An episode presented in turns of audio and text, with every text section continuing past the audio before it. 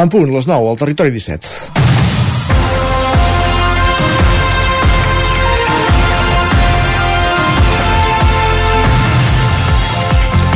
L'especulació urbanística de finals del franquisme va comportar la proliferació d'habitatges en terrenys que, a priori, per la seva accessibilitat i pendent, no eren aptes per la urbanització. Aquestes urbanitzacions estaven formades per habitatges unifamiliars i es van promoure i comercialitzar sense seguir els processos de parcel·lació previstos ni dotar-les de serveis necessaris. El que inicialment eren segones residències van passar a ser, amb els anys, la residència habitual.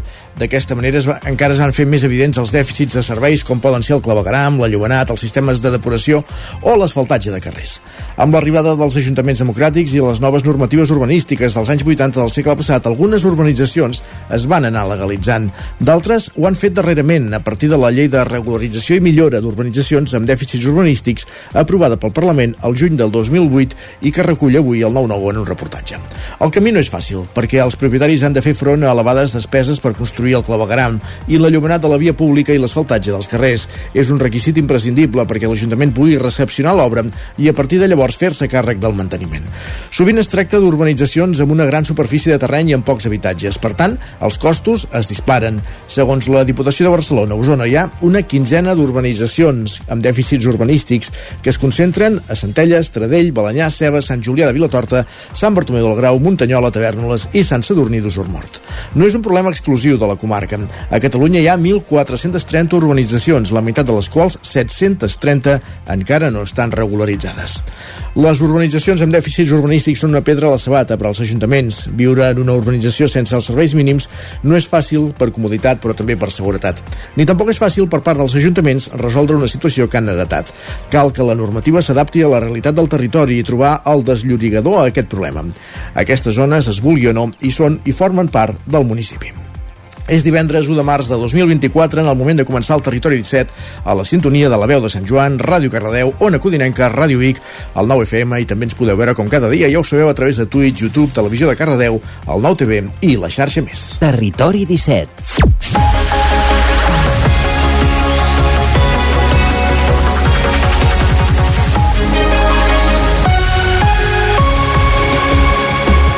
És divendres 1 de març de 2024, comencem un nou mes, acabem la setmana al territori 17, el magazín de les comarques del Vallès Oriental, l'Osona, el Ripollès, el Moianès i el Lluçanès, que us fa companyia cada matí durant dues hores entre les 9 i les 11. De quina manera, amb quins continguts? Doncs com cada matí en aquesta primera mitja hora, tot repassant l'actualitat de les nostres comarques, les notícies del territori 17, marcades eh, en aquestes darreres hores per l'aixecament de molts dels talls de carretera que hi havia aquests dies al Principat arran de la revolta pagesa. De seguida intentarem comunicar amb un dels responsables de, de revolta pagesa al Ripollès, amb un dels seus portaveus que han estat durant tres dies, dues nits, tallant el pas fronterer del Coll d'Ares fins a aquesta nit que han aixecat el tall. Uh, avui i, i acte seguit, també després de repassar aquesta, les notícies més destacades de les nostres comarques, com cada matí saludarem el nostre home del temps, en Pep Acosta, per repassar l'evolució meteorològica de les darreres hores i saber quin temps farà el cap de setmana i anirem també fins al quiosc amb en Sergi Vives per repassar les portades dels diaris del matí a dos quarts de deu, com cada divendres tertúlia, avui en companyia de Joan Garcia, Víctor Palomar i Jordi Vila Rodam, aprofundint aspectes de l'actualitat de les nostres comarques. A les 10, notícies, la previsió del temps i avui, com cada divendres, divendres, roda esportiva a partir d'un quart d'onze, repassant l'agenda esportiva del cap de setmana dels equips i esportistes de les nostres comarques. Per al acabar el programa amb una darrera emissora que, emissora que comença amb música, amb la música que ens porta cada setmana en Jaume Espuny, amb un clàssic musical i fent un cop d'ull a l'agenda d'actes del cap de setmana a les nostres comarques, l'agenda del territori 17. Aquest és el menú del territori 17 d'avui divendres 1 de març de 2024 i sense més demora ens comencem a servir-lo tot repassant les notícies de les nostres comarques, les notícies del Vallès Oriental, Osona, el Ripollès, el Lluçanès i el Moianès. Territori 17.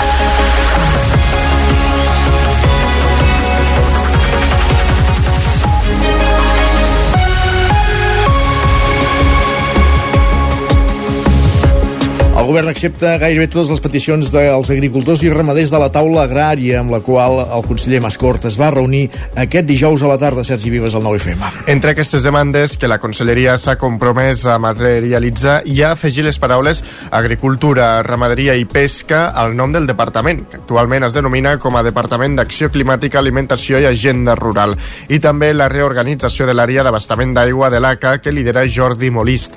També s'han pactat nous ajuts per les zones d'herbacis que no s'han pogut regar per les restriccions derivades de la sequera. Sentim el conseller d'Acció Climàtica, David Mascort però totes les organitzacions eh, estan d'acord en que hauríem de complementar aquest ajut amb un ajut de mínimis que rondarà els 200 euros per hectàrea en aquelles zones que no van poder regar durant el 2023. I la reorganització de l'àrea d'abastament serà això. Ens hem de eh, asseure i replantejar-nos com fem, eh, com reorganitzem aquesta àrea eh, des del mm, capdamunt fins al capdavall. Hem d'aconseguir que ja estem molt a prop de tots els sectors, però hem d'aconseguir estar més a prop dels sectors en aquesta època de sequera eh, tan complicada. La pagesia, al seu torn, s'ha compromès a finalitzar els talls de carreteres actius des de dimarts. A la trobada, a banda dels representants d'Unió de Pagesos, l'Associació de Joves Agricultors i la Federació de Cooperatives Agràries, també hi van participar Revolta Pagesa, la plataforma que ha liderat les mobilitzacions històriques de les darreres setmanes. Totes quatre entitats participaran al debat de política agrària que es farà la setmana que ve al Parlament de Catalunya. Saludem a aquesta hora un dels portaveus de Revolta Pagesa, en tot cas, en aquest cas el portaveu de Revolta Pagesa, el Ripollès, que aquests darrers tres dies ha estat al peu del canó amb el tall que han fet al Coll d'Ares entre el Ripollès i el Vallespí. Enric Cabana, benvingut, bon dia. Bon dia. Uh, aquesta nit heu aixecat el, el tall de, del coll d'Ares quins, quins han estat els arguments com, com és que l'Assemblea ha optat per aquesta opció Bé, hem vist que la majoria de talls s'aixecaven després de la reunió mantinguda i evidentment quan el, el que van anar cap davant de la plataforma a portar els punts i van aconseguir el que van aconseguir i van dir aixequem abans de les 12 o si no podem perdre tot el que hem aconseguit evidentment el millor era aixecar. Uh -huh. El que s'ha aconseguit, eh, eh, que us va arribar, diguéssim, de la reunió a l'assemblea, els que estàveu concentrats a, a Coll d'Ares, diguéssim, per que, que us fes decidir, diguéssim, no? a fer aquesta, a, aquest, a, aquest acte de bona voluntat d'aixecar el tall, per entendre'ns. Sí, nosaltres també mostrem que quan eh, ens sentim escoltats i comencem a veure algun canvi o favorable cap a nosaltres, també de seguida reaccionem Uh, si fem aquestes coses no és perquè volem fotre merder perquè sí, és perquè realment necessitem que ens ajudin i que treballin per nosaltres. Perquè cap i la fi que uh, la gent que tenim al govern els estem pagant nosaltres. Uh -huh. I, si nosaltres no hi som, podem, no tot podran treballar-hi algun dia. Uh -huh.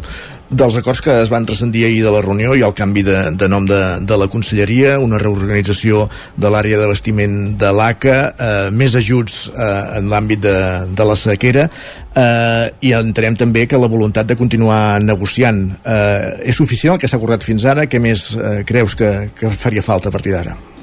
Són granets de sorra, perquè evidentment eh, dediquem molts ajuts, més ajuts per la sequera, i sobretot a la, la comarca d'alta muntanya que aquí eh, ho tenim molt complicat.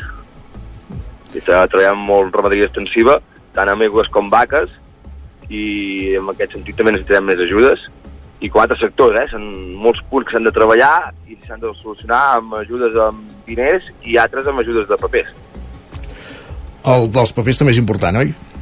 Molt. Portem, des del primer dia que portem dient que la burocràcia que ens mata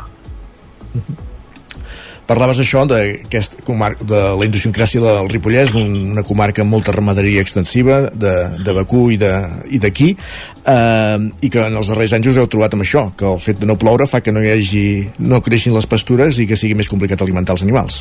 Sí, sí, penseu que el tant per cent de, de vaques que s'estan reduint cada any és per ficar-se les mans al cap, eh? Quina és... Té de fer matar bestiar perquè no pot resistir de, primera que arriba un punt que quasi és impossible comprar menjar amb els preus que hi ha i segona que hi ha explotacions que si passaven 25 vaques ara n'hi passen 18 o i aquest any podrien de passar a 14 I, evidentment aquest bestiar que no pot estar aquestes finques pues, uh, s'ha de portar a escorxador. I això és, és matar un pagès Quin és aquesta reducció, aquest percentatge de reducció respecte, per entendre'ns, fa dos anys de, de caps de bestiar, Ah, aproximadament? No sabria dir ben bé, però penseu que cada, any va pujant. Uh, I Enric, ja per últim, uh, fer-nos 5 cèntims de com han estat aquests 3 dies a, a dalt al Coll d'Ares, ja heu passat dues nits amb inclemències meteorològiques, us ha nevat, us ha fet vent. Com us heu organitzat, uh, els pagesos del Ripollès, per, per això, per mantenir aquest tall? Hem anat fent relleus perquè, evidentment, eh, quan portes més de dos dies a la cartera has d'anar a cuidar el bestiar, no? I, i portar-los menjar i a, a mirar si alguna vaca ha badallat. I hem anat fent relleus entre nosaltres, però sí que la primera nit que vam passar allà va ser bastant dura perquè va enganxar molt vent i neu i dormíem a dins dels cotxes i semblava que havies d'arrencar el vol, eh? Uh -huh. I és possible que hi hagueu de tornar, creus? Jo crec que sí. Jo crec que hi ha molta feina per fer i s'hi ha d'estar a sobre. I crec que la setmana que ve també tenim el ple monogràfic que aquí hem d'apretar també. No ens podem deixar tranquils. Ho anirem vetllant, ho anirem seguint. Enric Cabana, un dels portaveus de la revolta pagesa al Ripollès, gràcies per atendre'ns i bona feina perquè tenim entès que t'hem enganxat just a, a, a punt d'anar a fer tasques a, a muntanya i, i t'hem pres aquests 5 minuts. Moltíssimes gràcies. Moltes gràcies. Bon dia. Bon dia. Més qüestions, Justícia Alimentària i el grup de defensa del Ter reclamen des, de la, des del Parlament reduir la cabana porcina en un 50% per fer front a l'escassetat d'aigua i la contaminació del subsol, Sergi. Segons el darrer cens, a Catalunya hi viuen gairebé 8 milions de porcs. És la segona zona europea que més animals sacrifica, amb 23 milions de porcs anuals, i la cinquena que més en produeix del món. El 78% de la carn produïda aquí s'exporta a altres països. Unes xifres que no agraden gens a Justícia Alimentària i al grup de defensa del Ter i que dimecres a la tarda van denunciar des del Parlament de Catalunya. Aquests grups ecologistes vinculen la sequera actual amb el model del sector porcí català. Consideren que acaparen una enorme quantitat d'aigua potable que s'acaba exportant a tercers països en forma de producte final. Tot plegat mentre els residus es queden aquí contaminant el territori. Sentim a Javier Guzmán, director de Justícia Alimentària, i a Jesús Soler, president del grup de defensa del Ter. no només és un gran demanant d'aigua que no en tenim i que no tindrem, sinó que a més a més és una de les grans fonts de contaminació que tenim. tot el que mengen els porcs doncs acaba sent residu que contamina els nostres aqüífers. I no només el que, el que es produeix a Catalunya, sinó l'enorme quantitat de soja i de cereals que s'importen de tot el món acaben aquí. Els porcs se'n van i el residu de tot això queda aquí i ha contaminat pràcticament la meitat de les masses d'aigua, deixant sense possibilitat de recórrer i quan hi ha sequera, com és aquest temps És per aquest motiu que Justícia Alimentària i el GDT reclamen reduir la cabana porcina en un 50% per fer front al dèficit hídric.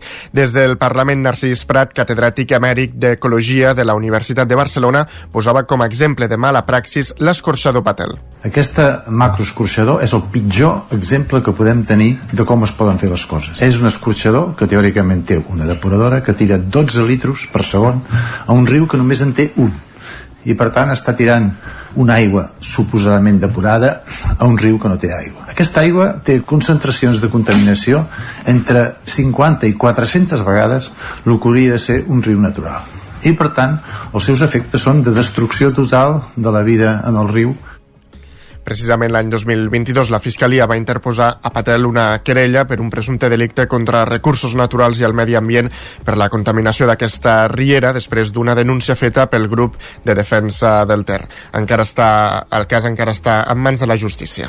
I des de l'empresa en un comunicat asseguren que l'aigua que ells aboquen a la riera compleix tots els paràmetres legislatius. Més qüestions, el projecte de pressupostos que ha presentat el govern de la Generalitat contempla 21 milions d'euros d'inversions a la comarca d'Osona, un milió menys que l'any passat, la meitat dels quals es dediquen a actuacions a les carreteres, Sergi. 43.673 milions d'euros és la despesa que el govern de Pere Aragonès, que ha donat llum verda al projecte de pressupostos de la Generalitat, té prevista per l'any 2024. Osona rebria 21 milions d'euros en inversions directes, un milió menys que l'any passat.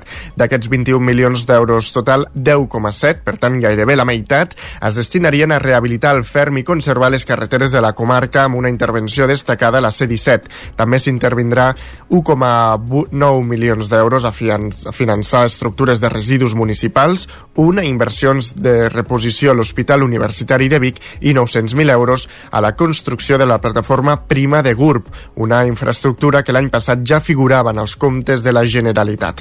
Per la seva banda, el Lluçanès rebria 6.000 euros que anirien destinats íntegrament a la depuradora de Santa Eulàlia de Puigoriol a Lluçà. Amb el PSC ja a la butxaca, ara el govern d'Aragonès hauria de conquistar els comuns. L'escull, però, és un, el Hard Rock perquè els socialistes votin a favor dels pressupostos, aquesta infraestructura ha de tirar endavant. No agrada, però, als de Jessica Albiach. Aragonès, però, es mostra optimista. Si hem aprovat els pressupostos, en tot un conjunt de grups parlamentaris l'any 2022 i ho vam fer el 2023, no hi ha cap raó perquè aquest 2024 també sigui possible. I insisteixo, en un projecte que posa molts més recursos i que encara és millor que els anteriors. Sense tenir garantit el suport necessari, la votació definitiva dels comptes no seria imminent. Podria produir-se, això sí, en les properes setmanes. L'Ajuntament de Ripoll aprova una moció de Junts perquè eh, Catalunya rebi les competències en immigració per controlar-la millor. Isaac Muntades, la veu de Sant Joan. Amb els nou vots a favor d'Aliança Catalana i Junts, el ple de Ripoll va aprovar una moció del Juntaire referent a la situació immigratòria a Catalunya i als seus municipis. Som i Ripoll es va abstenir i la resta de grups van votar-hi en contra. La proposta instava el govern d'Espanya a fer efectiu el traspàs integral de les competències d'immigració a la Generalitat de Catalunya. Deia que no podien seguir rebent fluxos immigratoris superiors a països com França, Alemanya i Dinamarca i establia drets i deures pels nouvinguts com l'aprenentatge del català. Maria Soldavila apuntava que la societat catalana s'havia d'enriquir amb l'arribada de noves persones però que s'havien d'integrar a la societat en tots els àmbits. A més, va rebutjar l'acusació d'haver cedit a les idees d'Aliança Catalana i que també ho duien al programa electoral. L'interès en què hi hagi unes bones polítiques d'immigració no és exclusiu d'Aliança Catalana, és interès de totes les persones que resideixen a la nostra comunitat i al nostre país i que en cap cas considerem que formi part d'una estratègia de l'estat espanyol per destruir Catalunya. Però sí que creiem que les necessitats de Catalunya no necessàriament són les mateixes que les de la resta d'Espanya. L'alcaldessa de Ripoll, Sílvia Oriols, es va mostrar perplexa i sorpresa que Junts portés una moció que compartien el tema immigratori i se'n feia creus. Més qüestions. Caldes de Montbui presenta la dotzena edició del Mercat de l'Olla. Complirà un any més la vila termal d'activitats relacionades amb l'olla més gran de Catalunya. Roger Ram, zona codinenca. Exacte, bon dia. El punt àlgid d'aquesta cita serà el cap de setmana del 16 i 17 de març, quan el centre històric s'omplirà de nou de parades fins a una setantena. A més, també hi haurà tallers i activitats relacionades amb l'olla i està previst que reparteixin més de 6.000 racions de llegums cuits amb aigua termal, fent així un rècord de repartiment de llegums en aquesta fira. L'alcalde Isidre Pineda destaca que un dels objectius del Mercat de l'Olla és donar a conèixer el patrimoni termal del municipi, a banda de ser una activitat de promoció econòmica. És un dels moments eh, emblemàtics del nostre poble perquè, perquè és, un, és una fira probablement no tan multitudinària com la, com la de Nadal, que ha estat Uh, doncs molt en auge en les últimes edicions però on ens visita molta gent i els calderins i calderines gaudim molt, és una activitat molt divertida que a més a més connecta amb la nostra història, amb el nostre passat i que aposta per aquesta cuina termal que és la nostra història, és la nostra tradició, és el nostre carisma. Caldes de Montbui diem que som vila termal eh, perquè tenim una aigua molt calenta que raja de la font del Lleó i de la qual ens hi banyem, però el termalisme no només és aigua calenta, és una manera d'entendre el poble, Amb capacitat per a 1.600 litres de brou, l'olla més gran de Catalunya serà de nou, com dèiem, la protagonista d'aquest mercat. Arran de l'elevada demanda de l'edició anterior, enguany està previst cuinar encara més llegums. En total, s'hi couran 350 quilos de llegums, 100 dels quals seran llenties i 250 de cigrons, que s'acompanyaran amb botifarra del perol i també amb llardons.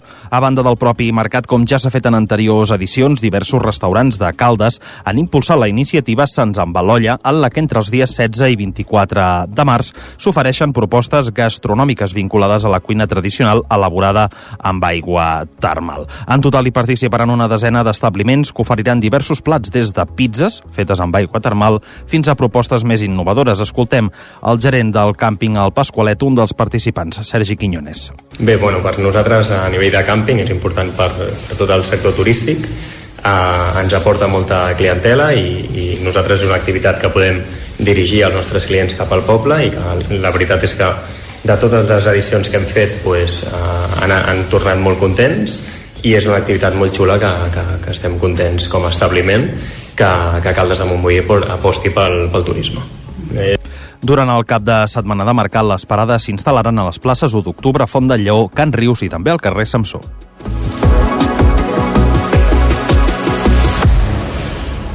Acabem aquí aquest repàs informatiu que començàvem al punt de les 9 en companyia d'Isaac Muntades, Roger Rams, Enric Rubio, Sergi Vives. És moment al territori 17 de saludar també en Pep Acosta.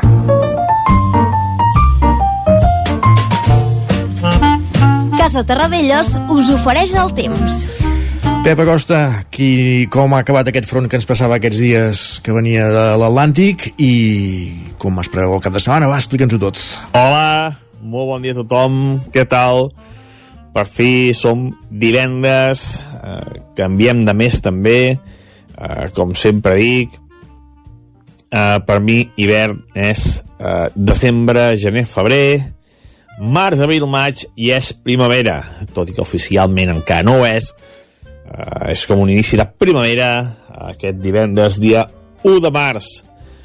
Um, aquesta nit eh, jo tenia la no sé com ho diria, tenia el desig de que plogués eh, cap al litoral central d'una manera important, també cap al litoral, però al final la precipitació ha estat molt escassa novament, novament a les comarques i on més fa falta eh, precipitació molt escassa no hi ha manera no, no tenim um, no tenim la grossa, eh? no ens toca la grossa en aquest sentit i, i, i no plou, no plou.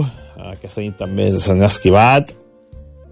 Ha plogut una mica cap al Penedès en les pròximes i on més s'està acumulant ara neu i precipitació és cap a la zona eh, del Pirineu Occidental. Eh, allà ja s'està superant els 5-10 litres però cap a casa nostra no, no hi ha manera, no hi ha manera. Uh, nit uh, una mica uh, més càlida, no ha estat tan freda, només glaçades a alta muntanya, cap a zona del Montseny, cap a la zona del Pirineu, Pirineu glaçades importants, uh, fora d'aquesta serralada, poques glaçades, eh, només a les parts més altes del transversal o del Montseny. I el cap de setmana, què ens espera aquest cap de setmana? Avui un dia tranquil, un dia de sol, eh, molta tranquil·litat i les temperatures màximes a la majoria que no sobrepassaran els 16-17 graus, tot i que poden sobre aquest valor a zones eh, del prelitoral, però les temperatures bastant a ratlla, bastant acordes per l'època de l'any. De cara a demà, canvi de temps. Uh, un altre front atlàntic ens afectarà. Uh, durant el dia cada vegada més núvols i serà ja la nit matinada de dissabte a diumenge que es poden produir les màximes precipitacions. No seran molt importants, eh? molts valors eh, entre 0 i 5 litres, malauradament, però sí que hi ha la possibilitat que puntualment superin aquests 5 litres, eh, sobretot zones de muntanya, Pirineu, transversal i Montseny, es superaran de bastant aquests 5 litres. Bona notícia, esperem que els mapes eh, es compleixin i que plogui eh, a les nostres comarques. Eh, jo crec que això, eh, que la majoria de pluja seran febles i serà una pluja una mica més moderada a les zones de muntanya. Aviam si per fi eh, es compleix el que dic o tampoc es compleix el que dic perquè fa a les precipitacions. De cara a demà serà un dia més fresc, ja ens veurem temperatures més baixes i durant el dia s'hi costarà superar els 15 graus, però un dia gairebé d'hivern el que tindrem dissabte. I diumenge eh, el dia començarà encara a beure gota, sobretot cap al prelitoral i també cap al Pirineu, i mica a mica el dia serà més tranquil, eh, molts núvols, eh, poca pluja i un dia fred. La temperatura costarà superar els 10 els 10-12 graus per un dia fred i les mínimes de dissabte i diumenge també seran molt, bastant fredes amb glaçades a les zones de muntanya i a les zones més fredes també de les nostres comarques.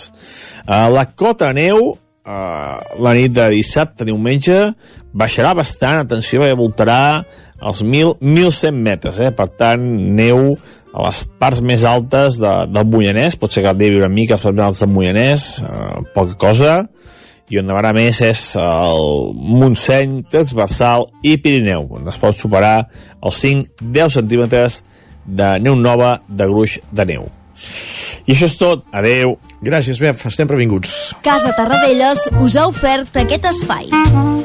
I ara volem cap al quios perquè, Sergi, és moment de repassar ràpidament les portades dels diaris del matí. Comencem com la bon divendres per les del 9-9. Doncs comencem per la d'Osona, Ripollès i Lluçanès, que diuen que Vic i Manlleu reclamen estendre a tota la comarca les mesures per reduir la contaminació de l'aire. Diuen que les dues ciutats estan obligades a, li, a delimitar l'any vinent zones on no puguin circular els cotxes més contaminants. I, de fet, el protagonista de la portada és el pont medieval de Sant Romà, que ja emergeix d'aquest pantà de Sau que està a tocar de l'1% de la seva capacitat. Sí, es veu el pont, per sota el pont ja només queda el riu. Per tant, Exactament. És, és així. Més qüestions. Al 9-9 del Vallès Oriental ens diuen que Caldes i les franqueses no fan els deures per corregir la segregació escolar, mentre que dues escoles de Granollers i Mollet s'integren en una campanya contra l'estigmatització. També destaquen els límits als lloguers a 15 pobles del Vallès Oriental. Anem a més portades, les que s'editen a Barcelona. Doncs l'ara diu que Puigdemont queda en mans del Suprem en la causa per terrorisme. Expliquen que la sala que presideix Marchena considera que hi ha indicis suficients en el cas Tsunami. L'alt tribunal investigarà també Ruben Wagensberg i deixa els no aforats a l'Audiència Nacional. El periòdico diu, destaca que el Mobile ha tingut 101.000 assistents. Expliquen que el certament tanca la seva edició més triomfal des de l'any 2019. Anem Està bé, eh? perquè el perspectiva eren 100.000, 101.000, mireu, Sí. sí. mil més dels que comptaven. Vaja. Anem cap a Madrid. El país destaca la matança a Gaza durant un repartiment d'aliments. Expliquen que Israel admet que va disparar a la multitud, el qual va provocar més d'un centenar de morts. L'ABC destaca la trama de Foment, una mossegada de 17 milions, 88 comptes i 13 finques. Expliquen que la investigació situa el Ministeri com el PO fonamental. Diuen que el jutge va requisar els correus dels presidents de Ports i Adif. I acabarem amb el Mundo, que diu Armen, que Armengol va avalar les mascaretes tot i saber que eren fake. Expliquen que el govern balear va certificar la qualitat satisfactòria de l'enviament dos mesos després de retirar-lo per ser fraudulent. Gràcies, Sergi. Ràpidament els repassem digitals. El 99.cat d'Osona, el Ripollès, el Lluçanès i el Moianès. Doncs diuen que tornen a l'edifici de l'Hospital de Vic totes les urgències de nit, siguin greus o lleus. I a la del Vallès Oriental? Doncs que, que ha, ha quedat detingut a Mollet eh, després de provocar cinc indicis, un home a... Sí, incendis deuen ser. Incendis a contenidors en pocs minuts, sí, perdona. Molt bé. Moltíssimes gràcies. A tu. Fins ara. Nosaltres fem una pausa i tornem d'aquí 3 minuts justos amb la tertúlia. El nou FM, la ràdio de casa, al 92.8. Estàs preparat per aquest estiu? A Boi som especialistes en tot allò relacionat amb la protecció solar per a qualsevol necessitat d'espai, tendals, pèrgoles, escrins interiors. Anticipa't a la calor. T'assessorem i t'oferim la màxima garantia de confort i benestar per casa teva. No ho dubtis i vine a Boi Galtés.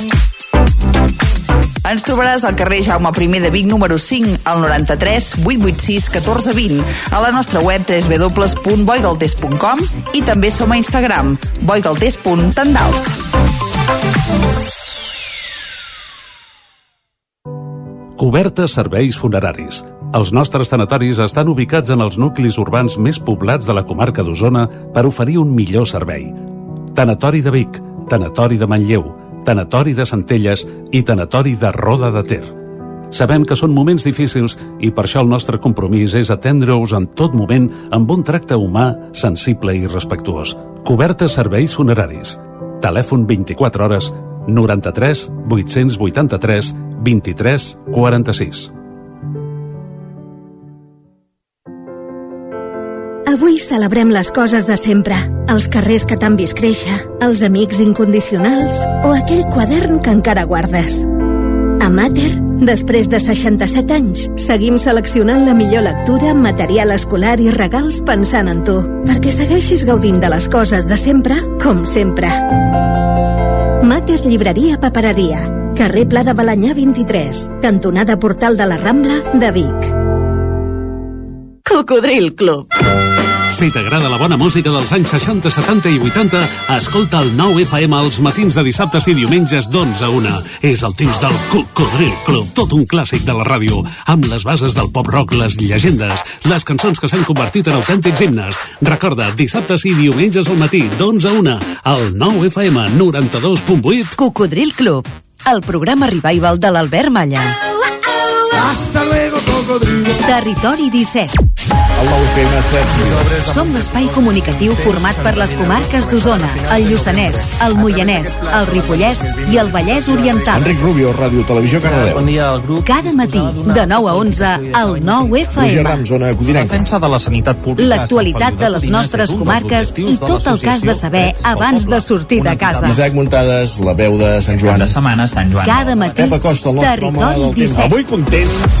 Anuncia't al 9FM. La màquina de casa. 9 3 8 8 9 4 9 4 9. Publicitat arroba al 9FM.cat. Anuncia't al 9FM. La publicitat més eficaç. El 9 FM, el 9 FM, el 9 FM. En punt ara mateix dos quarts de 10 al territori 17.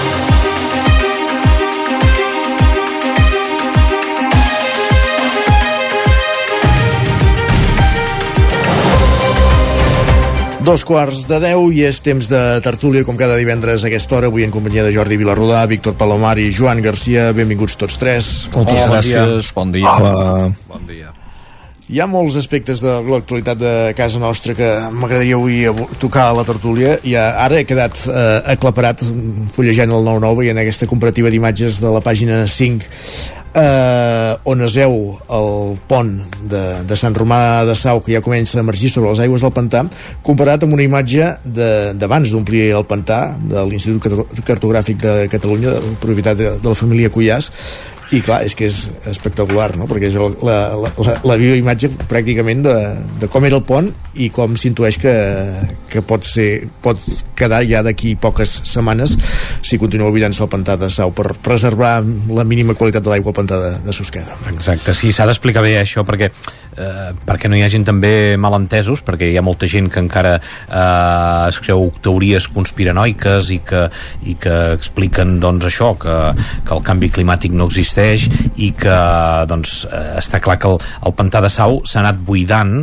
eh, perquè és, eh, són vasos comunicants amb el de Susqueda i el que interessava és que el de Susqueda, que és a partir de llavors on es transpassa, on es porta l'aigua cap a l'àrea metropolitana per, per que és l'ús de l'aigua de l'aixeta, l'ús d'aigua de boca, eh, doncs aquesta tingués la màxima qualitat i per tant el que han fet és de tota l'aigua que hi havia a Sau concentrar-la a Susqueda per tant ara, entrar, ara sortia més aigua de la, de la que hi ha per acabar de buidar el pantà de Sau que ja estava molt buit i per tant el de Susqueda està al 20% per intentar mantenir la qualitat d'aquesta aigua perquè si hi ha un 10% a cada pantà eh, la qualitat de l'aigua doncs no seria la mateixa i el risc doncs això que l'aigua doncs no, no tingui les qualitats que, que tingui. Ara mateix Sau està a l'1% i ens dona aquesta imatge històrica. De fet eh, un, un anem dient ja cada, des del gener que es va arribar al 5,7% de la seva capacitat a partir de llavors cada cop que ha anat baixant cada cop és una fita històrica que no havia estat mai mai tan buit de, des de que es va omplir no? i ara doncs això els, eh, a l'entorn del pantà de Sau hi ha molta gent doncs, que, que bé, és la imatge una mica de la sequera de, de Catalunya és un lloc emblemàtic un lloc icònic i molta gent doncs, hi va sovint, molts fotògrafs també i estaven des de fa molt temps esperant aquest moment perquè el, el riu el, el, i on hi havia el pont era el punt més baix de, del poble i estaven esperant doncs, això que aparegués aquest pont eh, finalment, un pont que en el seu moment eh, es deia que era el més maco que hi havia a tot el, el, el pas del, del riu Ter eh, no sé si és des del Ripollès també si està eh, si està d'acord o no tens dos Sant Joanins a la tertúlia, eh? per això, per això, I em per sembla això que, dir. sembla que Camprodon i Sant Joan presentaríem candidatura en tema de ponts, eh, diguem. Per això ho deia. Sí, Però sí, sí que és els nostres són és útils, els nostres són útils, serveixen. Sí, sí, l'estudi aquest realment eh, ara ja només és per la fotografia aquesta que, que tothom estava esperant de, de veure eh, fins on arribava l'aigua. I doncs sí, és una imatge dura perquè veure el pantà de Sau eh, amb aquesta imatge doncs eh, impacta. I el dubte és aquest. Hi ha gent que va dir no tornarem a veure mai més el pantà en aquesta situació no, però no tornarem a veure mai més el pantà de Sau el 100% de la seva capacitat. Eh, i en canvi gent que fins i tot gent de Vilanova de Sau sentíem l'alcalde de Vilanova de Sau fa uns dies doncs que deia que bé, eh, plourà i es tornarà a omplir i tornaran a haver-hi cicles com, com aquest. Sí que és veritat que les temperatures van pujant i que, i que plou menys, però que sí que, bé, si hi hagués un canvi de temps, eh, el que és contradictori és el que estem veient aquests dies amb l'Ebre i, el, i les conques internes, no? que veus l'Ebre que s'obre aigua per tot arreu i en canvi Aquí... aquests rius de les conques internes estan secs i fan pena. Aquí volia anar, perquè ara quan, quan explicaves el tema dels vasos comunicants hi havia una imatge molt gràfica dimarts al documental que van fer TV3 sobre, sobre la sequera i sí que una mica que el que es destilava un cop vist el documental és de ja començar a anar amb aquesta idea de, de, del transvasament de, de l'Ebre d'alguna manera d'induir el relat cap aquí. Ara sóc jo, aquí afegeixo eh, teories conspiranoiques, ja ho admeto. Mm. Però una mica em va fer la sensació aquesta, que ara començarem el relat de que a l'Ebre hi ha accés d'aigua, hi ha excedent, i que ha de ser la manera, diguéssim, de, de resoldre, de paivagar l'impacte de, de la sequera a les conques internes. No sé si comenceu a palpar també aquest relat. Va, eh, jo diria que sí. Eh, eh, M'afegeixo la teoria conspiranoica perquè també vaig ara aquest reportatge. Eh, D'entrada hem de pensar una cosa, que a l'Ebre, o sigui, no és que ara mateix hi hagi aigua perquè aquí hi hagi plogut molt, perquè precisament embassaments que estan molt a la vora, Riu de Canyes o algun altre, estan buits. Eh, és perquè ha plogut en zones d'Espanya, de, de, diguem, que, que i ara està baixant doncs, tota, tota aquella aigua. Però eh, eh, aquesta aigua també es necessita per la supervivència del delta de l'Ebre eh, a veure, podem decidir que no que, que, podem decidir que es perdi o sigui, també ho podem decidir, mira en temps dels romans no hi era el delta de l'Ebre o sigui, fa dos mil anys no existia però si el volem preservar i anem amb la mentalitat de que l'aigua que mm, baixa per l'Ebre és com llançada, perquè es llença al mar, perquè aquesta expressió se sent sovint, o sigui, eh, adeu Delta, perquè el Delta no se salva amb grans obres d'infraestructura, se salva amb, amb aigua que porti sediments i ja és prou complicat que els porti havent-hi els embassaments de l'Ebre que hi ha abans. Llavors, eh, eh, a veure, mm, és contradictori. Després eh, diuen, no, és que es necessita una petita quantitat d'aigua que es sanés, eh, es pogués interconnectar les conques, això que es diu, eh? que es pugui interconnectar les conques. Re, un excedent, un petit excedent que ja existeix. Eh, però és que, eh, o sigui, la desconfiança és tan gran, i sobretot de la gent de l'Ebre, i jo l'entenc, que eh, quan algú des de instàncies polítiques o, o tècniques, col·legis, d'enginyeria, diuen no, és que això seria només per casos d'emergència. Ningú no se'n fia, però és que jo si fos a l'Ebre és que tampoc me'n fiaria, gens ni mica. O sigui, em diria, no, és que això només es farà servir per si eh, en un cas d'emergència com aquest. No me'n refiaria. Quan estigui feta la canonada, quan estigui feta la canonada, això servirà per portar aigua per, pel hard rock o, o per coses d'aquestes. O sigui, és que jo si fos l'Ebre pensaria exactament el mateix. O pels de Platja d'Aro. No me'n fiaria ni un pèl. O sigui, i, i, perquè estem escarmentats de mentides i, i, i allà a l'Ebre estan escarmentadíssims de moltes coses. I, i, i per tant mm, jo crec que sí que, que el, és com hi ha un degoteig. Ara el col·legi de no sé, ara el col·legi d'enginyers ara això, ara el reportatge, ara no sé hem d'interconnectar, hem d'interconnectar. Eh, i, i, i es va. eh, fent pluja fina en favor d'aquest discurs. Eh, eh, i estic, estic d'acord amb la teoria aquesta. Ostres, ara no recordo quina, quina revista era, ho estava intentant buscar per, per ser més precís, però l'altre dia això, amb uns, amb, amb uns amics començàvem a mirar una, una fila de tuits amb capçaleres amb portades de revistes dels anys 70 i era curiós, tots els temes dels que es parlaven eh, també es parlaven llavors mm. en aquell moment també es parlava de la sequera justament del, del trasbassament vull dir que és una cosa cíclica que també deu anar um, d'acord amb la situació d'aquell moment suposo que ens oblidem molt ràpid de les coses no? segurament sequeres tan grosses com aquestes ja ho sabem que és així que no, tampoc n'hem viscut gaires però suposo que en moments en què sí que, que hi havia menys aigua, es parla d'això. A la que plou, te n'oblides, no? I una mica i una mica és això. També recordar-vos això, eh, que, que, que jo sé per, perquè m'han comentat que fa dos anys, quan ja es començava a parlar de la sequera i de que faltava aigua, eh, hi havia la sensació que s'estava exagerant una mica des de, des de les institucions, les de més amunt, vull dir, la Generalitat, etc, mm. als pobles perquè fessin inversions. O sigui, en aquell moment no era tan necessari com ara, però en aquell moment ja es feia, s'exagerava, perquè durant molt temps no s'havien fet inversions i no s'havien fet uh, no s'havien fet accions uh, de, de cara a la gestió de l'aigua i, i s'aprofitava que hi havia una mica de sequera per exagerar perquè es posessin les piles de cara al que pogués venir, que finalment ha arribat. Que finalment ha arribat, exactament. Uh, uh, jo només volia afegir una cosa simplement d'aquestes imatges que ens va deixant l'embassament de Sau, amb la que començàvem introduint aquest tema.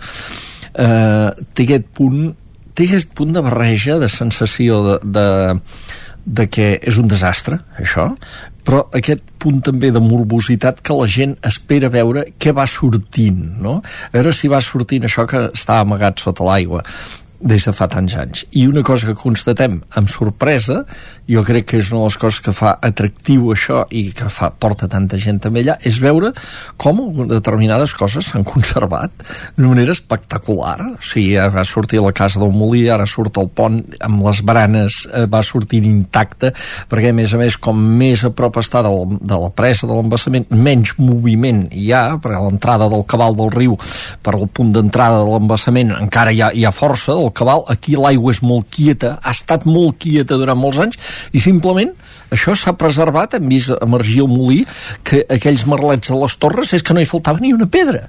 O sigui, sí, sí. I, i això és una cosa que ens fascina també, segurament també és el que té, afegeix aquest punt de morbositat i està convertint eh, aquests dies, en fi, això en un, gairebé en un parc temàtic eh, el, el que s'hi ha d'anar amb molta precaució perquè recordem allò de les imatges que hem vist de gent allà atrapada amb el fang com si fos allò de les pel·lícules de les sorres movedisses uh -huh. Uh -huh. Sí, sí, més enllà de la imatge la part que hi ha al darrere és aquesta sequera i aquesta preocupació per veure eh, com passarem la primavera, l'estiu perquè ja es dona com per perdut no? que ara hi hagi eh, unes fortes pluges que reverteixin aquesta situació i totes eh, les esperances estan posades de cara a la propera tardor, que falten encara uns quants mesos i que sigui llavors quan es pugui donar la volta amb aquesta situació i es recuperi una mica aquests cabals i, en fi, mentrestant anirem veient projectes com aquestes desaladores, com portar aigua d'altres punts. El segon del País Valencià. Exacte. Sí. I com ens anem enginyent per, per solucionar-ho, també aquestes inversions que, que dèieu dels municipis, doncs per evitar aquestes fuites d'aigua, com reaprofitem l'aigua, com les noves construccions ja eh, s'afronten els nous habitatges, els nous blocs de pisos pensant en que l'aigua no sobrarà i com es pot aprofitar tota, tota l'aigua ens queden encara forces mesos per parlar de sequera eh? i com deies tu Joan eh, d'aquí uns anys segurament es mirarà els mitjans de comunicació d'ara i diran ostres, eh, no sé si van aprendre res espero que, que ara no torni a passar el que va passar llavors perquè sí que, que tu parlaves d'aquests als anys 70 eh, n'hi van haver als 90 el 2008 eh, n'hi han hagut diferents episodis no tan greus com aquesta però veiem que no, que no hem après gaire res i que com que la que plou i sembla que s'emporti l'aigua s'emporti també tots aquests projectes i aquests temors i, i totes aquestes bones intencions que, que, que es parlen en aquests moments. Uh, de no, només voldria, ah, res, només un afegit que uh, tot això uh, ho veurem ara uh, uh, portar aigua de no sé on, eh, els vaixells que poden venir d'un aigua del País Valencià, fins i tot a més llarg termini, no sé si hi haurà interconnexió de conques, de saladores, no? Però tot això a nosaltres no ens serveix de res o sigui, nosaltres hem de pensar que estem en uns municipis que no ens abastim ni de l'aigua de, de, en aquest cas, doncs la major part d'Osona no s'abasteix ni de l'aigua de Sau, no diguem el Ripollès, els pobles del Moianès i del Lluçanès que ja fa temps que tenen problemes perquè no estan ni connectats al, al, al Ter, o sigui, s'abasteixen de, de recursos propis, de pous propis, i ara pensem com passarem aquest estiu com passarem aquest estiu? Sobretot quan, per exemple, fins i tot eh, no sé, algunes zones una mica més turístiques augmenti una mica de població. Mm, aquest estiu no, però el passat eh, Camprodon Llanàs que, que augmenta molt la població a l'estiu va estar a un punt de les restriccions ja de tallar xetes durant unes hores al dia. Aquest estiu, si això continua així hauran de fer-ho, perquè no hi ha neu a la muntanya, a més a més per desglaçar. Eh, eh, és, nosaltres tenim un problema greu, que a més a més no, no hi tenim cap solució màgica, diguem, d'aquestes, perquè, perquè aquí estem més amunt dels embassaments i ens hem de vestir d'uns recursos que només poden venir de la pluja, en aquest cas. I, i, i ens, se'ns ve a sobre si no plou aquesta primavera una mica, un estiu, jo crec que molt complicat. I, i, i ja posem-hi aquests pobles que, com deia, eh, de, de, sí, sí. del Moianès que ja s'estan abastint amb, amb cisternes d'aigua des, de fa, des de fa uns mesos. I aprofitant que estem dos Sant Joanins també, no sabem si tindrem la bogeria, això que fem a Sant sí. Joan per la festa major, que passem per sota els balcons i ens, i ens tiren aigua, segurament no es podrà fer, i tampoc tampoc podem cantar perquè no tindrà sentit, ja tenim els planos al pantano de Ripoll. Ah, que, que, càntic típic, mira, uh, sí. Estaria bé poder-ho cantar. No, per, no perquè vulgui mal, mal a Ripoll, eh, sinó senzillament perquè tinguem aigua. Va, però vaja, perquè es pogués omplir, perquè es pogués omplir. perquè es pogués omplir, exacte. Tenint en compte que això serà al setembre, doncs mira, tenim mesos de recorregut encara. De sequera n'hem parlat també a l'inici del programa amb uh, un portaveu de la revolta pagesa al Ripollès que durant tres dies, dues nits han estat tallant el coll d'Ares, ahir última hora de la nit aixecaven el tall després de, de la reunió que va haver-hi a la Conselleria eh, entre la taula agrària, també representants de la revolta pagesa i una delegació del departament eh, liderada pel conseller David Mascort. Va haver-hi un seguit d'acords com el canvi de la Conselleria, eh, eh, més ajuts per, per la sequera, Uh, però també el fet que la setmana que ve hi ha un ple monogràfic al Parlament i, i podran intervenir i podran seguir-ho uh, els pagesos. Uh, anem veient com, com evoluciona aquesta revolta, que ja portem tres setmanes de, de revolta pagesa amb tractors al carrer, tallant passos fronterers com el de l'AP7 i l'N2 uh, a l'Empordà. Uh, i vaja, que continuen estan mobilitzats uh, per, per resoldre aquesta situació que fa molt temps que, que genera queixes entre el sector primari i que sembla que, que ha arribat ja el moment de, de dir prou, de fer aquest cop de puny sobre la taula i, i a veure si les administracions comencen a reaccionar.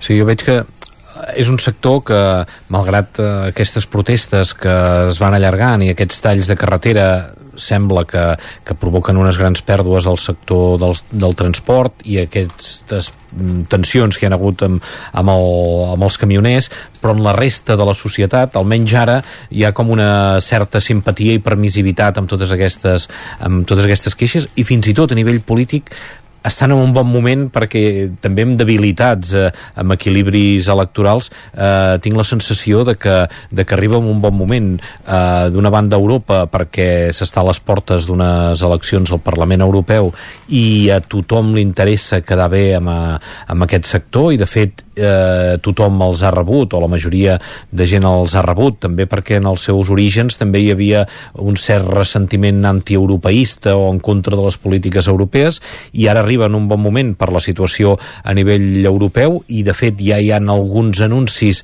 eh, que han fet que en alguns països doncs eh, s'han rebaixat les, les protestes i aquí doncs tant a nivell català jo crec que el govern català des del primer dia eh, que hi van haver aquestes protestes doncs s'ha estat obert a negociar. Eh, els acords poden arribar a ser més importants o menys importants. El primer dia es parlava doncs aquestes eh, eliminar tanta burocràcia.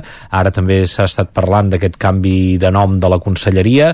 Eh, segurament alguns pensaran que no és suficient, d'altres eh, si més no hi ha una predisposició i cada setmana hem vist aquestes reunions amb el govern i com alguna cosa es anava aconseguint. I en el govern espanyol doncs també aquesta fragilitat del govern socialista fa que també els ministres eh, dels diferents àmbits, tant més de la part de, de medi ambient com d'agricultura, se'ls escoltin i acceptin moltes de les seves demandes. Jo, si més no, eh, la protesta continuarà i les reivindicacions són molt grans i s'arrosseguen des de fa molt temps, però crec que, déu nhi eh, el, el fructífers que, que estan sent i poden ser per aquesta idoneïtat política, eh? en el moment en què, en què es produeixen tant a Europa com a l'estat espanyol com a Catalunya per, per intentar aconseguir això, revertir una situació que és difícil, eh? que per molt que, que es pugui ajudar eh, tot va en contra el, la globalització de, des de fa molts anys eh, la sequera eh, el fet que hi hagin cada cop més intermediaris els canvis en, en les formes de consum que tenim les persones tot sembla que jugui en contra d'aquests petits productors i fins i tot l'economia com a tal doncs, a concentrar-ho en grans mans i que, i que perjudiqui els petits productors tot sembla d'una banda que vagi en contra del, del sector primari o, i sobretot dels petits i mitjans eh, productors i en canvi doncs, eh, el moment fa ser optimista per aquesta combinació d'elements de, de, polítics que, que no sempre es produeixen. Uh, subscric ben bé tot el que ha dit uh, el Víctor i, i jo hi afegiria un, una, afegiria un detall que potser veig que no se'n parla molt però és molt evident a la vegada uh, que, que és que com molt bé ha dit l'Isaac aquí qui està negociant o està liderant la reivindicació és aquesta plataforma que ha adoptat el nom de Revolta Pagesa i uh, uh, com això ens, ens, ens fa evident que els sindicats tradicionals s'han vist desbordats en aquest cas. Com, com en tants altres. Hi ha una crisi del sindicalisme tradicional, això també s'observa en el sindicalisme més del món de, de, de la indústria, els serveis, etc. En el món agrari, els sindicats Unió de Pagesos, Assaja, etc. O sigui, després han vingut a remolc, eh, eh, però això eh, és una, eh, això és un fenomen que, que, els, que els ha superat, els ha superat i el mateix conseller d'Agricultura, millor dit, d'Acció Climàtica, que ara tornarà a ser Agricultura, que fa uns dies... No, serà perquè vol mantenir acció climàtica i vol afegir agricultura, ramaderia i pesca i no vol perdre cap competència. Mare de Déu, això serà un nom Encara llarguíssim. afegir alguna més. Ara farem papers nous. Eh, doncs, eh, eh, quan va estar aquí, va dir que la primera protesta els havia agafat a tothom per sorpresa, perquè, i que, i que els primers dies els costava trobar qui era l'interlocutor perquè l'interlocutor ja no era el secretari general del sindicat, no, no, no, allò, això era un moviment en què havien d'identificar qui podia ser l'interlocutor i si aquest interlocutor era vàlid i tenia una representativitat, una incidència amb els, amb els revoltats, diguem. Uh, i, i, I això també és una mostra de, de, de canvis que s'estan produint en el món sindical i d'aquesta crisi de desconfiança general que hi ha, per exemple, en el món de la política que també uh, també s'evidencia en el món sindical i, i no només en el, en el del sector primari eh, res, només per afegir un, un, una consideració més mm. Joan? Jo tinc, un, tinc la sensació que, que segurament faltarà una crisi molt, molt grossa perquè ens posem a lloc i perquè tinc la sensació que des de fa molt de temps que en el tema de producció i és una de les coses que ells també assenyalen que, que estem fent coses molt estranyes vull dir, hi ha pagesos que decideixen quina explotació, o en el seu moment van decidir quina explotació feien quan vam entrar a la Unió Europea i amb les polítiques agràries per les subvencions. És a dir, vam, vam deixar de, de, de produir allò que ens, que, ens, que ens compraven perquè ho anàvem a vendre al mercat de baix al poble o anàvem a les carnisseries i, i, i vam començar a canviar una mica segons com bufava el vent, que les, les ajudes europees, doncs ens deixem les vaques de llet perquè doncs ara n'hi ha, hi ha massa llet i, i, i hem perdut una mica el sentit, no? I, i penso que, que durant la, la, la pandèmia va passar una cosa, o com a mínim la meva experiència personal va ser que vaig anar al supermercat i en alguns dies concrets no vaig trobar els productes que jo buscava, iogurts mm. eh, o formatge i al final espavilant-me vaig descobrir que hi havia uns productors que venien que, dir que res, que, que els tenia ben a prop no? I al final és això, potser haurà, haurà de passar però, una però has crisi mantingut molt... llavors l'hàbit d'anar amb aquests productors o has tornat al supermercat? És el dubte, no, eh? No, no, en, en alguns sí, eh? Vull dir, continuo menjant albocats i, i coses que, que segurament tenen una petjada ecològica molt gran, Uh -huh.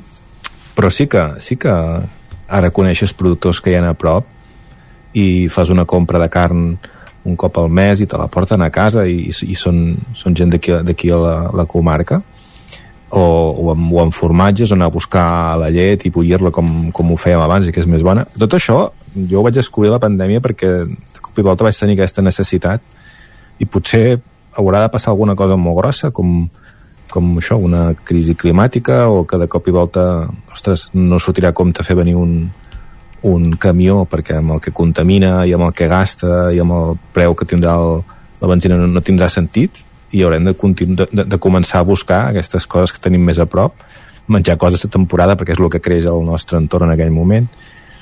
Realment he anat una mica a la, a la, a, a, a l'arrel i potser més no, no, que una mica en parla, per pataneres, eh? en parla la revolta va d'això sí, sí, és que és molt encertat el que diu en Joan eh? que, que, que aquest és, que aquest és en, el, en el fons el problema quan, quan ha començat amb això dels, de, de, de què produïm en funció del que marcava les subvencions de la PAC per exemple, jo recordo aquells moments que eh, eh, s'anava canviant de conreus sobretot era evident a Osona, al Ripollès tenim menys camp de conreu, per tant no es veia tant que es canviava el girassol, després del girassol van passar a, a, a, a, a, a la planta del cànem, que, que semblava que, que aquí hi hagués, en fi, unes plantacions per fer segons quin tipus de substància de que es fuma, i, i no, era per fer, per fer aquell moment, se subvencionava aquella planta perquè d'allà fèiem aquelles camises d'allí que es van posar de moda, no sé, i ara hem canviat això per la colza, que ens dona aquests paisatges que fotografiem tan grocs i tan bonics a la primavera. Uh, i, i, I en canvi però, de l'oli de colza no en volem sentir parlar. Però es va fent, però es va fent,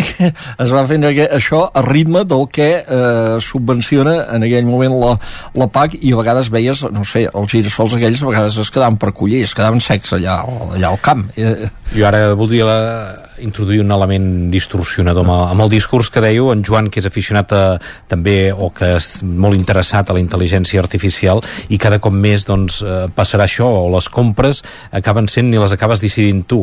Si compres a través de supermercats amb aplicacions d'aquestes per internet, eh, hi arriba un moment que gairebé la compra te l'acaba fent algú altre. Nosaltres que ho anem delegant tot, si hi ha el risc aquest que la intel·ligència artificial ens acabi fent la cistella de la compra i no sé si la intel·ligència artificial ens dirà que anem a comprar el productor eh, més proper, encara que ens haguem de moure eh, 50 metres, baixar, de, baixar unes escales. Tot dependrà quan... de si el productor eh, té capacitat per generar aquesta eina, també, no? També, també, però si no, mm. estàs amb el telèfon mòbil a la mà i fent amb dos moviments de dits pots reproduir la compra que vas fer eh, la setmana passada o fa 15 dies i que segurament per al, per al distribuïdor que, que ens fa això ens ho porta a casa i, i ve de l'altra punta del món i en canvi ens farà mandra i la intel·ligència artificial mm. ho donarà com una cosa molt més difícil baixar el, des d'un tercer o un quart pis d'on visquis desplaçar-te 50 metres i comprar un mm. productor malgrat que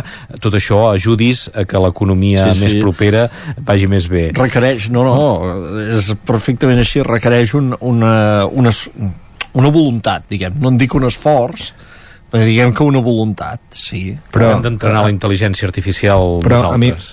A mi, a mi ja, aquí a la comarca del Ripollès tenim a Sant Pau la gent de Mas la Sala, sí. i eh, fan agricultura regenerativa, i a mi em sembla molt interessant, perquè m'ha fet gràcia algun cop que en Ricard Villanueva, que és un dels responsables, diu que aquí no ha vingut a fer el hippie. Mm. És a dir, que encara que ells apostin per una agricultura contrària a la convencional, doncs ells la tecnologia i els estudis i la ciència doncs els interessa com el que més. Vull dir que potser seria compatible, eh? Vull dir que diuen que la intel·ligència artificial cada cerca que fas gasta un, una d'aigua que, és, mm -hmm. que, és, que és espectacular. Sí, senyor. Sí, senyor. Potser no seria la millor eina, però que, ostres, eh, que, que, que hi hagi eh, distribuïdors locals no? que facin tota aquesta feina que, que fan altres en, en estructures més grans tipus Amazon, per dir el nom doncs una mm. estructura com aquesta replicada a nivell local mm. pel, per la producció local no estaria malament Uh, una última reflexió. Uh, abans com, quan començàvem el relat d'en Joan que hem dit d'això també va la, la revolta pagesa. Una mica la sensació, i amb allò que comentaves també Jordi que, que, han, que, que, han, que han anat per sobre de tothom uh, dels sindicats agraris, de les organitzacions tradicionals però el fet és que aquí ara mateix uh, hi ha entrat tothom pel broc gros i trobem posicionaments com el que podia plantejar en Joan fa un moment de, del producte local, però també hi veiem pancartes de no a les polítiques verdes.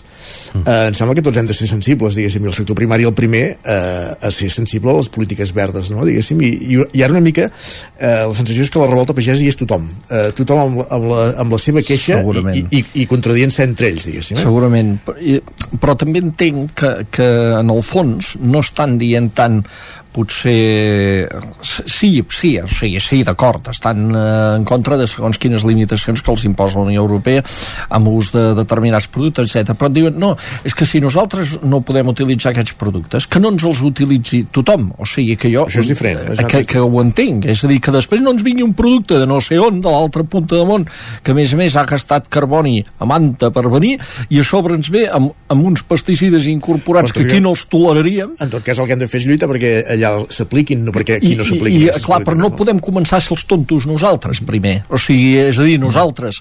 Eh, perquè l'únic que aconseguirem és que eh, aquí els nostres productors hagin de produir més car, més ecològic sí, però més car, i la invasió de productes d'altres llocs sense els mateixos criteris de, de mediambientals sigui encara més gran. O sigui, el, que el que no podem fer és ser, potser- ser els primers tontos d'aplicar-nos eh, eh, les restriccions i, i acabar no- de liquidar el nostre sector perquè l'únic que aconseguirem és que vagin venint albocats Jo, jo recomano, eh, aquesta gent de la Mas la Sala que he comentat, que els seguiu, perquè és... N'hi ha, ha d'altres, eh, molt també, d'exemples altres. Sí, sí, sí, sí, jo parlo dels que conec perquè són els que tinc al costat de casa. Però faig pro- producte quilòmetre zero. Però, però és veritat que tot és, no deixa de ser una roda, eh? Al final, quan tu has de produir més perquè doncs, eh, vols vendre més, eh, has de tenir un camp més gran, doncs l'has de, de forçar, has de posar doncs al final la, la, la terra queda com morta i si tu no hi poses adobs no funciona uh, vull dir que és, és, és portar a l'extrem tot per produir més, per poder continuar tenint el mateix benefici i, i potser és això, però el que hem de fer és dir prou, no? I, hem anat assenyalant, no?, com aquests eh, eh, el sector primari, assenyalant-los com a gran culpable d'una cosa, quan, quan veiem aquests creuers el que arriben a contaminar, aquests viatges que es fan d'una punta del món a l'altra, eh, cada cop amb bitllets més barats, i per tant, o aquestes reunions per parlar del canvi climàtic i que la gent s'hi desplaça amb jets, i el que durant molts anys s'ha fet, i s'ha fet malament, crec, és assenyalar el que s'ha de fer és eh, intentar fer-ho amb empatia. Si el sector primari, si la transició s'ha de fer, s'ha de fer de bracet amb el sector primari i segurament és, eh, en són gran part els responsables que es pugui fer i si, i si fem tots aquests canvis. Però durant massa temps se'ls ha assenyalat i crec que ells estan a la defensiva amb aquest mm. tema i per això eh, es veuen assenyalats quan haurien de ser el motor de, de molts d'aquests canvis. I eh, a vegades quan, quan es fan totes aquestes polítiques i també entitats ecologistes potser si està costa massa poc assenyalar la gent mm. quan el que hauríem d'intentar és eh, acostar-nos a ells, parlar amb ells i acompanyar-los o, o, o aprendre'n a vegades també d'ells de com es pot fer tota aquesta transició però sí que és veritat que a vegades amb aquests discursos eh, extrems d'algunes entitats fa que, que es posin a la defensiva i que hi hagin sectors com el sector primari que estigui a la defensiva amb el, amb, amb temes com aquests del medi ambient no ens, eh, no ens ajuda ningú i passen aquestes coses que, que, que, que qui hauria de ser alguns dels motors del canvi els tenim eh, en contra perquè se senten assenyalats. Jordi Vilarrodà, Víctor Palomar, Joan Garcia, moltíssimes gràcies. Hem esgotat el temps de tertúlia. Eh, una estona molt interessant. Moltíssimes gràcies a tots tres i bon cap de setmana. Gràcies, Igualment, i igualment. gràcies pels dos minuts extra. Només faltaria. Vinga. Acabem la tertúlia, però continua el territori 17. Passen dos minuts de les 10 del matí. És moment d'actualitzar-nos amb les notícies més destacades de les nostres comarques. Territori 17.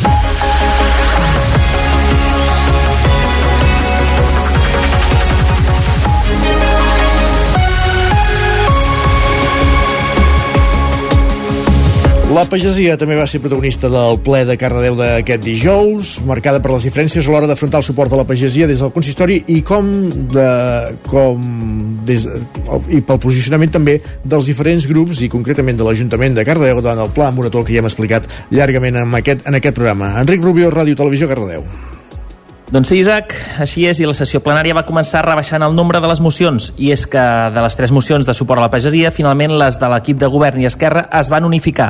Per tant, les referents a aquesta problemàtica van quedar resumides en dues, fet que va ocasionar uns quants intercanvis de to i retrets creuats, mentre que l'equip de govern i Esquerra la van unificar fent una reclamació de diversos punts a l'estat espanyol i la Generalitat. La CUP es va centrar en reclamar mesures que poguessin aplicar-se des del propi consistori i que afectessin de manera local, cosa que va ocasionar que l'Ignasi Planes de Junts ridiculitzés les propostes que havia exposat amb Blai Taverner, tillant-la amb un to paternalista i autoritari de conte de fades, mentre que Esquerra, tot i recolzar la majoria dels punts presentats pels seus companys, va dir que havien preferit rebaixar la seva seva per aconseguir-ne una de conjunta i va culpar la CUP, segons va dir, d'haver errat el tret un cop més.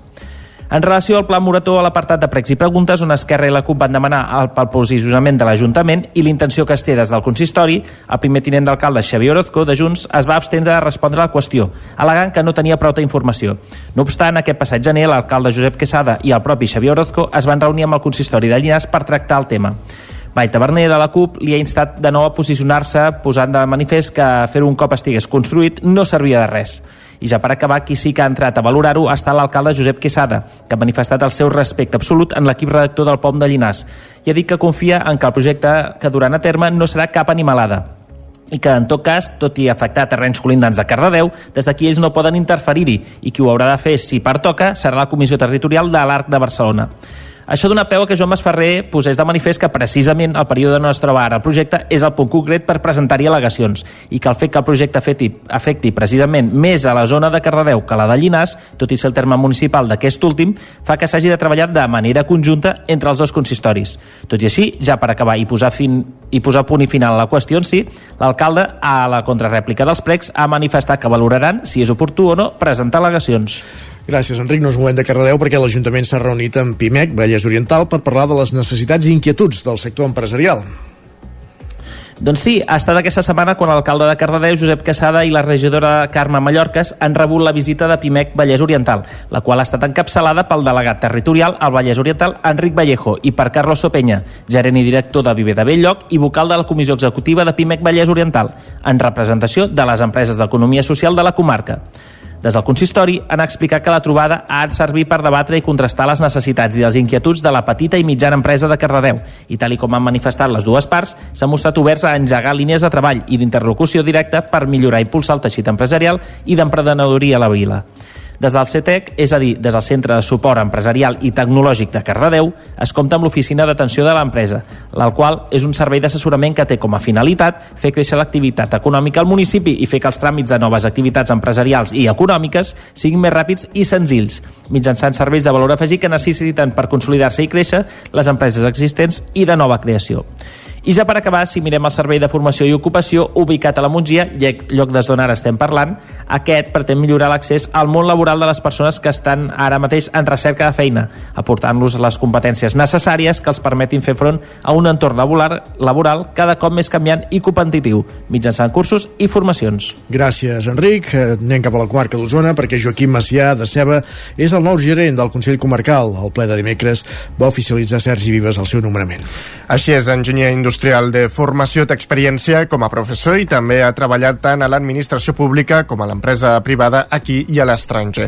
Des de la tardor passada exercia d'enginyer de projectes estratègics de ciutat a l'Ajuntament de Vic. Macià, que és de Ceba, ha resultat el candidat més ben valorat d'entre la vintena que es van presentar. Entre els reptes que caldrà treballar des de la gerència i el finançament dels Consells Comarcals, que es considera una de les principals carpetes del mandat i que dimecres va aparèixer al ple. Va ser fora de l'ordre del dia en un prec del conseller de la CUP i regidor de Manlleu, Leonard Sánchez, relacionat amb el tancament de l'oficina d'habitatge que l'Ajuntament i el Consell Comarcal compartien en aquest municipi. El president Gerard Sancho va garantir que l'atenció als veïns de Manlleu es continuarà oferint a Vic, però també deia que a mig termini caldrà consensuar com es presta el servei d'habitatge des del Consell amb la reducció de recursos per part de l'Agència de l'Habitatge de Catalunya. Jo la, problemàtica, no descobreixo res, en tema d'habitatge és bastant sèrio. La pregunta és, què més farem? O senzillament serà adreçar cap a això. Des del Consell Comarcal s'està prevista alguna altra actuació o ens quedem aquí?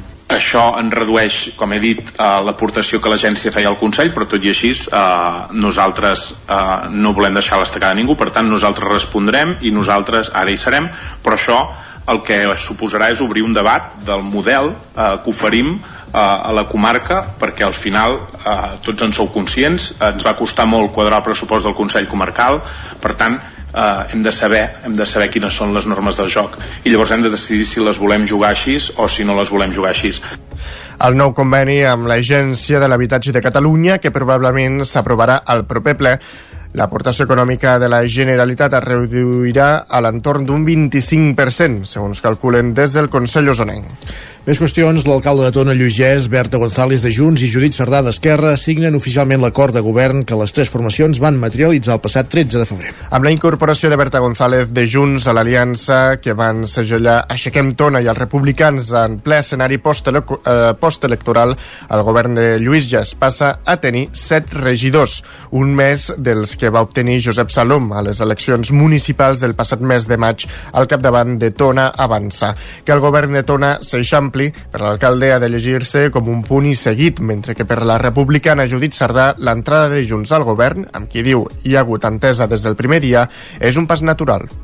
Aquest acord serveix com a punt i seguit ja que volem continuar consolidant el canvi iniciat fa 4 anys, però sumant-hi més accents i noves mirades. Hem trobat que s'han afegit a treballar, a treballar pel poble, no a buscar problemes, no, sinó solucions aportar idees i a fer propostes. Per això ara diria que és molt natural no? el pas aquest d'entrar a govern i segur que sent una de més podem fer més feina. Tal com va avançar el 9-9, González passa a ser segona tinent d'alcaldia.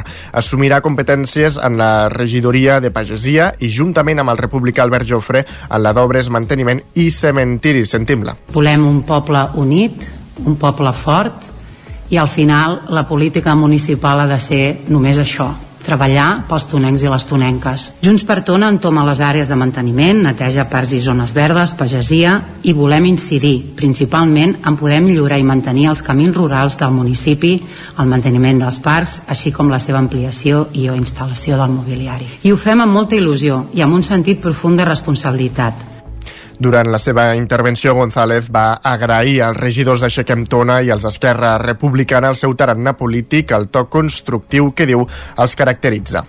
Gràcies, Sergi. I un últim punt, Roger Rams, zona codinenca, perquè comencen les obres de millora de la intersecció entre les avingudes Prat de la Riba i Catalunya de Vigues i Riells del FAI. Aquests treballs els està impulsant la Diputació de Barcelona i tenen com a objectiu reorganitzar un espai que suporta un gran volum de trànsit de vehicles, però també alhora un gran volum de vianants.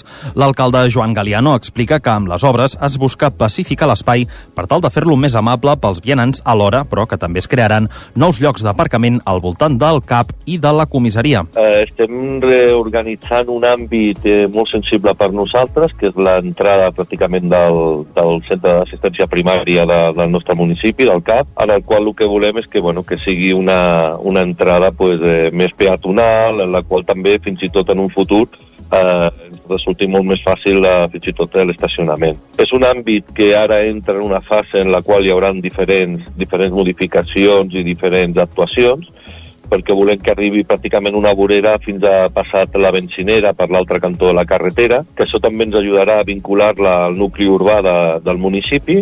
Un altre dels punts que afecten aquestes obres a l'accés sud de Vigues i Riells del FAI és la benzinera, ja que actualment els accessos a aquest establiment són complicats i, de fet, ja han provocat alguns conflictes entre conductors. I a partir d'aquí intentar trobar-ne també una solució, perquè no, tenim una problemàtica a la benzinera i és que ha un Diputació en el seu dia els hi va fer fer dues entrades i dues sortides en els dos sentits de la marxa, ara només podem fer una sortida cap a una banda o cap a l'altra. Val? Uh, això ens està generant realment algun que altre conflicte amb els usuaris, perquè al final hi ha quatre entrades i només fem servidors, i el que volem fer amb aquesta mesura és que una vegada estigui vinculat tot aquest nucli urbà a, a, al municipi, doncs podem tornar una altra vegada a parlar amb Diputació de que torni a obrir aquelles dues sortides que ara mateix estan, estan inhabilitades. Les obres de moment no afecten el trànsit i compten amb un pressupost de 232.000 euros que, com diem, està executant la Diputació. Es preveu que els treballs s'allarguin 3 mesos. Gràcies, Roger. Acabem aquí aquest repàs informatiu que començàvem al punt de les 10 i 2 minuts en companyia de Roger Rams, Enric Rubió, Sergi Vives i Isaac Montades. Moment de saludar en Pep Acosta, l'home del temps.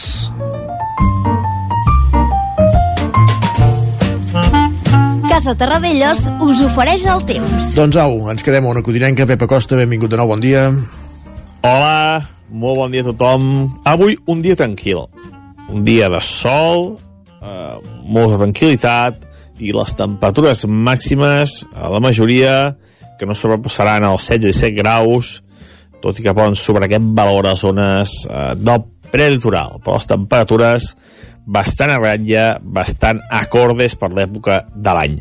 De cara a demà, canvi de temps. Uh, un altre front atlàntic ens afectarà.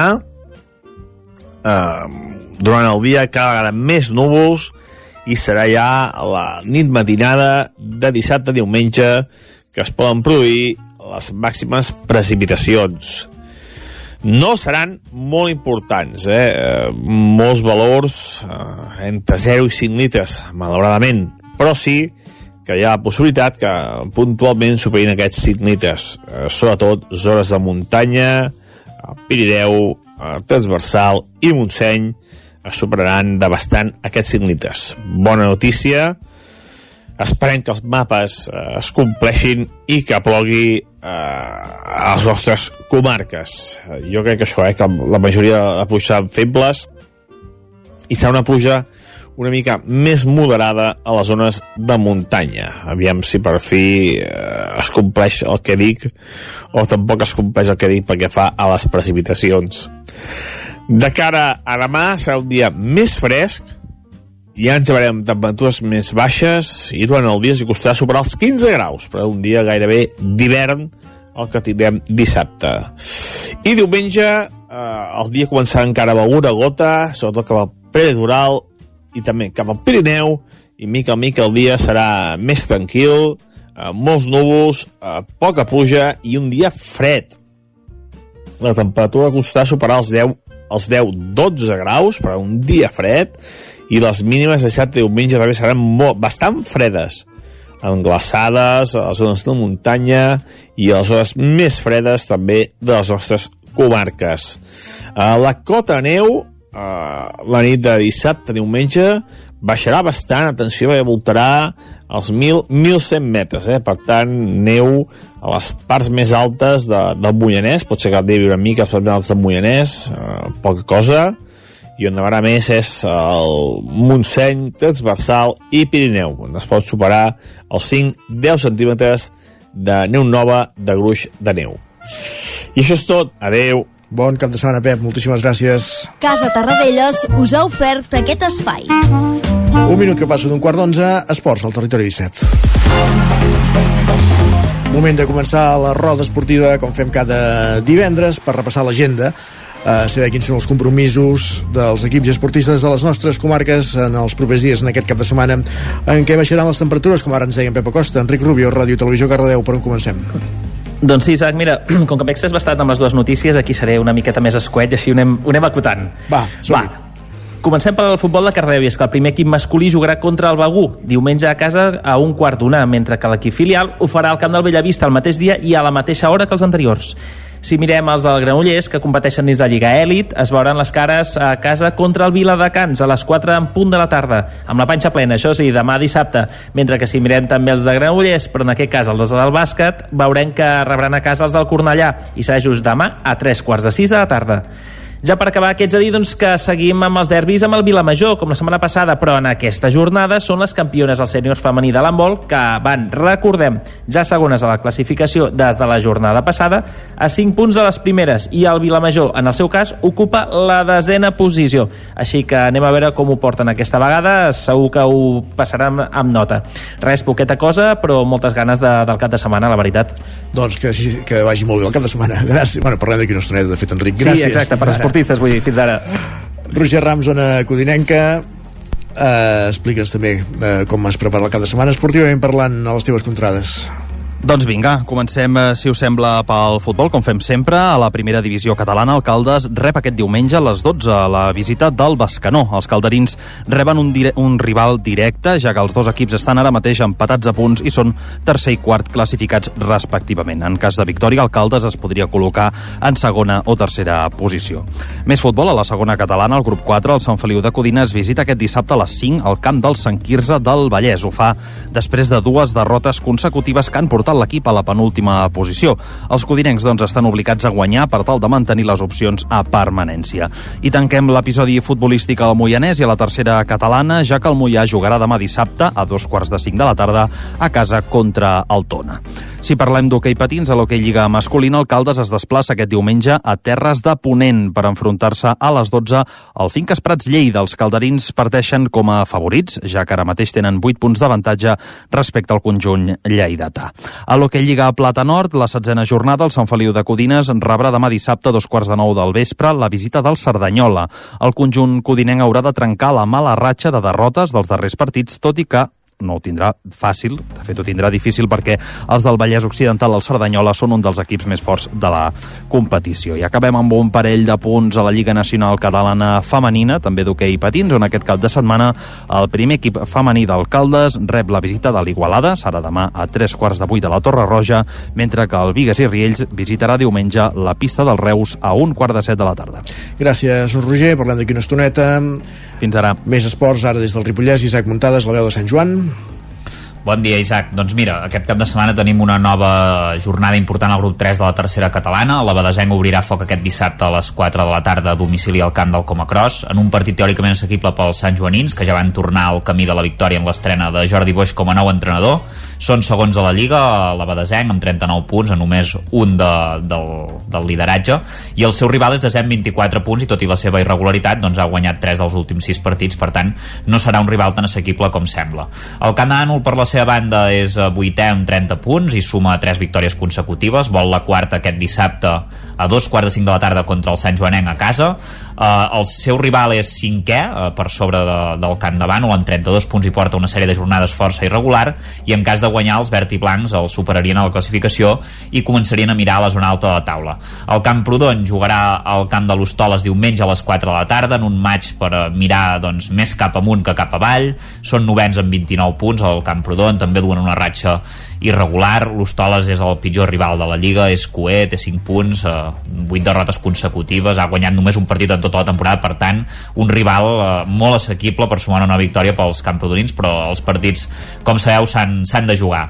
Uh, canviem d'esport, uh, l'hoquei patins, aquest dissabte, dos quarts de vuit de la tarda, l'hoquei Club Ripoll rep la visita del Capellades a la seva pista, els ripolleros són vuitens amb 27 punts, amb una victòria pràcticament fregarien ja la salvació, i és que a més a més el rival, com dèiem en el cas de l'Hostoles i el Camprodon, és el Cué també, a 14 punts, per tant un altre rival assequible per sumar una nova victòria.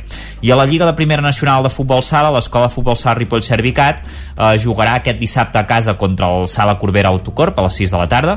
És un partit clau pels ripollesos, si no volen dir adeu a la Lliga, perquè és el líder el qui visita la pista de, de, de Ripoll amb 35 punts, en canvi el Ripoll en té 28, són cinquens, per tant en cas de victòria se situarien a només 4 del lideratge amb tota la segona volta per endavant, per tant és clau, perquè en cas de perdre pràcticament dirien adeu a la Lliga, perquè els equips de dalt són bastant regulars i no es poden permetre doncs, eh, aquestes punxades.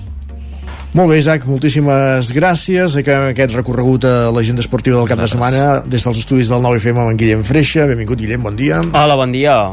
Què ens depara aquest cap de setmana esportivament parlant? Doncs va, anem a veure què es pot eh, anar a veure per aquí a la comarca amb esports uh, usonencs. Comencem amb hoquei patins i és que la hoquei lliga masculina, el Voltregà Movento Estern, rebrà el Calafell, eh, canvi d'horari, diumenge a dos quarts d'una, normalment juguen dissabte eh, al vespre, aquesta, en aquesta ocasió diumenge al migdia a dos quarts d'una, els voltreganesos contra un equip que sempre posa les coses complicades, que està en bona forma, com és el Calafell, i tots dos equips, tant Voltregà com Calafell, doncs amb l'horitzó de la Copa del Rei. Recordem que la setmana que ve, a partir de dijous, precisament a Calafell, es començarà a disputar aquesta Copa del Rei d'hoquei patins, el Voltregà, que entrarà en competició. Divendres eh, contra l'Igualada. Per tant, un duel amb diversos al·licients, eh? tornar a sumar els eh, 3 punts, eh, jugar contra un rival d'entitat com és el Calafell i eh, preparar doncs també eh, aquesta Copa del Rei que iniciarà la setmana que ve. Encara amb hoquei patins, en la hoquei Lliga Plata, en el grup sud, aquí sí que la, el conjunt usonenc del Taradell juga a casa, ho farà al pavelló del Pujoló, a partir de les 6 de la tarda d'aquest dissabte i rebrà el Barça B, el filial del Barça, un Taradell que no passa per un bon moment de forma, encadena diverses eh, derrotes, diverses ensopegades que l'han allunyat de les primeres posicions i per tant buscaran reaccionar contra un Barça que tot i la seva joventut, eh, format eh, pràcticament en la seva totalitat per jugadors juvenils i, i júniors, doncs sempre té molt nivell.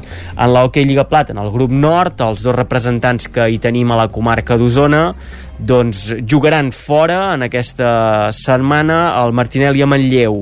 Ho farà contra el Lubians aquest dissabte a les 8 del vespre i el Patí Vic, recordem, segon classificat de la Lliga intentant mantenir doncs, aquests llocs de privilegi es desplaçarà diumenge a un quart d'una a la pista d'un històric del Tordera que ja fa unes quantes temporades que el veiem eh, encallat, podríem dir, en aquesta segona categoria de l'hoquei estatal on sí que tenim plat fort és en l'Hockey Lliga femenina i és que aquesta setmana hi ha derbi usonenc, Martinelli a Manlleu contra Voltregà Movento Estern en aquesta ocasió el duel que es jugarà a la pista manlleuenca aquest dissabte a les 5 de la tarda dos equips que podríem dir que han estat irregulars aquesta temporada, doncs eh, tenint molt bones actuacions, partits en què han competit a un altíssim nivell i per contra ensopegades, podríem fins i tot dir, eh, impensables en altres duels. Veurem eh, cap a quin cantó cau aquest eh, enfrontament entre el Martinelli i Manlleu i el Voltregà eh, en la Hockey Lliga femenina. Obrim la carpeta futbolística. Obrim-la i ho fem amb el Tona, que competeix a la tercera federació masculina, un Tona que tampoc no passa per un bon moment, també s'ha encallat en aquest eh, punt de la temporada amb diverses derrotes i el que farà és buscar eh, retrobar-se amb el triomf a casa contra la Pobla de Mafumet, un dels eh, blocs consolidats d'aquesta tercera federació, un equip eh, vinculat al, al Nàstic, que sempre agrupa doncs, eh, jugadors eh, joves, de talent, eh, que visitarà a Tona aquest diumenge a tres quarts d'onze del migdia. I un ton això, que buscarà de nou l'encert, sobretot eh, de cara a, en atac per eh, obtenir la, la victòria. Aquesta setmana el Vic Riu Primer femení no juga en aquesta tercera federació femenina. Recordem que el Vic Riu Primer es troba en un molt bon moment de joc. En la Lliga Elite, el Vic, que encadena dues victòries de prestigi contra Palamós i també contra el Sabadell B, visitarà el camp dels Sants aquest diumenge a dos quarts d'una. Visita també a un camp dels històrics del futbol català, com és el Sants, en aquesta Lliga Elite, que s'ha s'ha demostrat que fer pronòstics és molt, molt difícil perquè cada setmana hi ha molta igualtat eh, el primer contra un equip de la part baixa doncs li costa barbaritats així, puntuar. així l'encert està cotitzat per tant si costa fer pronòstics. Sí, exacte, si es fes eh, la travessa d'aquesta lliga elit eh, diguem que ens podrien tocar calarons si l'encertéssim. I en la primera catalana on el Matlleu recordem lidera amb mà de ferro la competició eh, visitarà el Banyoles, un equip també d'entitat d'aquesta primera catalana que no està en el seu millor moment de forma pel que fa eh, lloc a la classificació, però sí que el Manlleu buscarà doncs, continuar sumant els 3 punts dissabte a les 4 de la tarda. I ja per anar eh, acabant, el bàsquet Vic, un bàsquet Vic també amb una temporada irregular, competint eh, amb equips de la zona alta, eh, en canvi llavors ensopegant potser amb equips de la zona baixa, recordem per exemple fa 15 dies contra el Roser a casa, que es va perdre, un equip que és eh, penúltim classificat, doncs aquesta setmana els visitarà l'equip de les Castell, eh, en un duel precisament al pavelló Castell d'en Planes eh, el bàsquet Vic que buscarà aquesta, aquesta victòria. Gràcies Guillem. El nou FM, la ràdio de casa, al 92.8 Avui celebrem les coses de sempre, els carrers que t'han vist créixer, els amics incondicionals o aquell quadern que encara guardes. A Mater, després de 67 anys, seguim seleccionant la millor lectura, material escolar i regals pensant en tu, perquè segueixis gaudint de les coses de sempre, com sempre. Mater Llibreria Papereria, carrer Pla de Balanyà 23, cantonada Portal de la Rambla de Vic. A Boi Galtés trobaràs tot el que necessites relacionat amb l'equitació, t'assessorem i t'equipem amb tot el que et faci falta. Som especialistes. No ho dubtis i vine a Boi Galtés. Ens trobaràs al carrer Jaume I de Vic, número 5, al 93 886 1420, a la nostra web www.boigaltés.es i també som a Instagram boigaltés.equitació. Cocodril Club. Si t'agrada la bona música dels anys 60, 70 i 80, escolta el 9 FM als matins de dissabtes i diumenges d'11 a 1. És el temps del Cocodril Club, tot un clàssic de la ràdio, amb les bases del pop-rock, les llegendes, les cançons que s'han convertit en autèntics himnes. Recorda, dissabtes i diumenges al matí, d'11 a 1, al 9 FM 92.8. Cocodril Club, el programa revival de l'Albert Malla. Hasta luego, cocodrilo. L'infopodcast del 9-9 amb Sílvia Pedret. Cada dia et donem les claus de les notícies més rellevants de casa nostra. Vivim en una comarca que s'està demostrant pionera en transició. Desperta't cada dia amb l'infopodcast del 9-9. Aquesta setmana tornen a ser notícia els pantans perquè han baixat... El trobaràs a dos quarts de vuit del matí al 99.cat, Spotify, iVox i, si ho vols, te l'enviem directament al mòbil. Subscriu-te als canals de WhatsApp i Telegram del 99. Soc Sílvia Pedret. Comencem. Anuncia't al 9FM. La màquina de casa. 9 3 8 8 9 4 9 4 9 Publicitat arroba al 9FM.cat. Anuncia't al 9FM. La publicitat més eficaç. Territori 17. El 9FM, Sergi. Som l'espai comunicatiu format per les comarques d'Osona, el Lluçanès, el Moianès, el Ripollès i el Vallès Oriental. Enric Rubio, Ràdio Televisió, Cardedeu. Bon dia al grup. Cada matí, de 9 a 11, al 9 Roger FM. Zona codinenca. Defensa de la sanitat pública. L'actualitat de les nostres comarques i tot el has de saber abans de sortir de casa. Isaac Muntades, la veu de Sant Joan. de setmana, Sant Joan. Cada matí, Pep Acosta, el nostre home Territori del temps. 17. Avui contents. El 9 FM. Ara mateix clavem dos quarts d'onze al territori 17.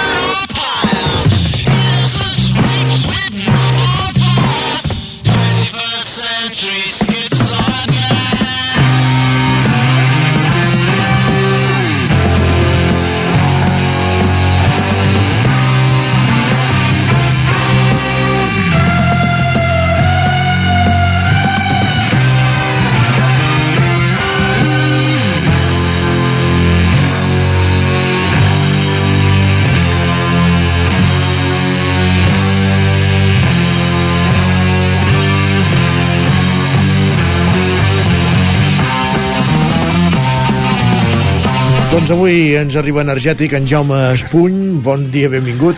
Bueno, ja veurem que, ja veurem que no, eh? No? Però el, pri- el, el primera sí. Ah, entesos. Eh, avui m'he llevat i he pensat, tu, eh, tinc ganes d'escoltar una mica de rock sinfònic o progressiu o com vulguis dir que va estar de moda a principis dels anys 70 sobretot sí.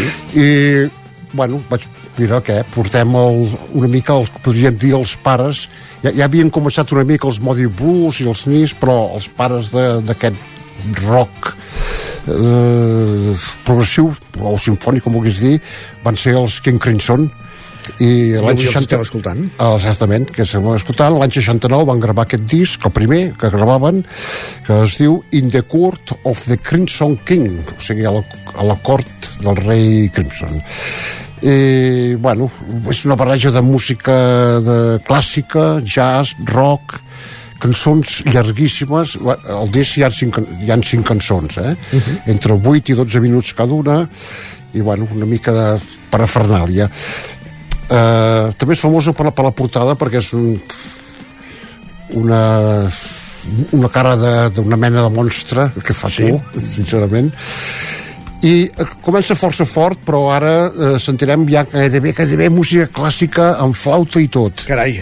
Anem-hi, eh, escoltem I Talk to the Wind.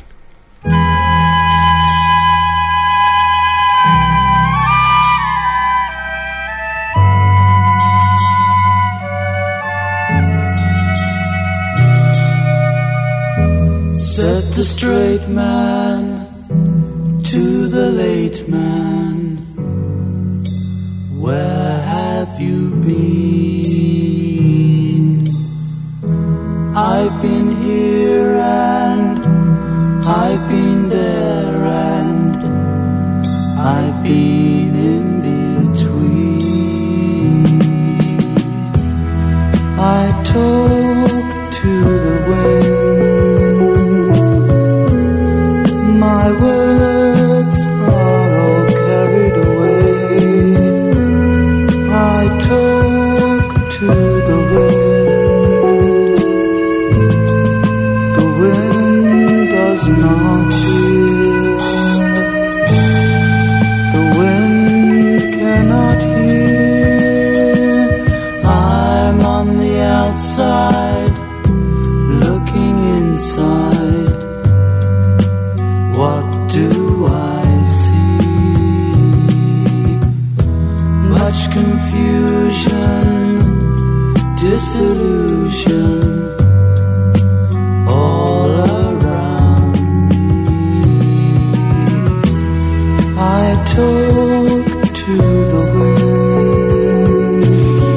que hem baixat revolucions, sí. Sí, eh, el que passa que és una mica, eh, costa una mica eh, aquí a la ràdio amb el temps que sempre va, que ens persegueix sí. eh, aquestes cançons ja La, dic, pre són la pressa mata, em deia avui. Eh? La pressa mata, deia, sí, em deia exactament Uh, les, cançons va les cançons van desenvolupant, canvien de ritme, etc etc. no? Uh, els membres del, del King Crimson eren cinc, el líder Robert Fripp, que ho tocava tot, però sobretot la guitarra, la Liam McDonald, que és aquest, aquesta flauta que sentíem, i el que toca el, el sintetitzador, el Mellotron, que feia poc que l'havien inventat. En Greg Lake, el baix i cantant, amb Michael Giles, la bateria, i fa gràcia que el cinquè, el cinquè component, en Peter Seafield, no tocava res, ni, ni cantava ni res. Ah, què feia? Les lletres. Ah, molt bé. O sigui, Impor- feia important, paper important. sí, però era, vull dir, anava, era un dels cinc components, no? però només, només escrivia. I unes lletres de, catacli, de, de cataclismes, de la fi de la humanitat, la guerra del Vietnam, eh, etc etc. El, el, bueno, mm, molt rebuscades però aquesta formació va, va durar poc, eh? perquè l'any següent, per exemple, eh, el següent any, ja va el Greg Lake, el cantant i baixista, se'n va anar amb el Emerson i en Palmer, i van fer Emerson, Lake, Palmer i en Palmer. Ara escoltarem una altra cançó que es diu Epitaph, Epitafi. Prum.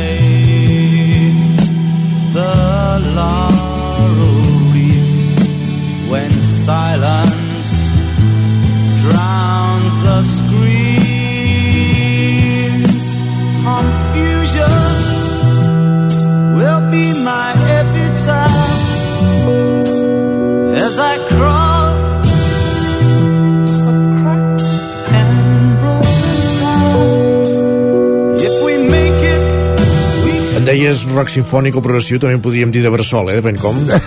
sí. Perquè no entrem les lletres, eh? Sí. Ho admeto, però vaja, en fi.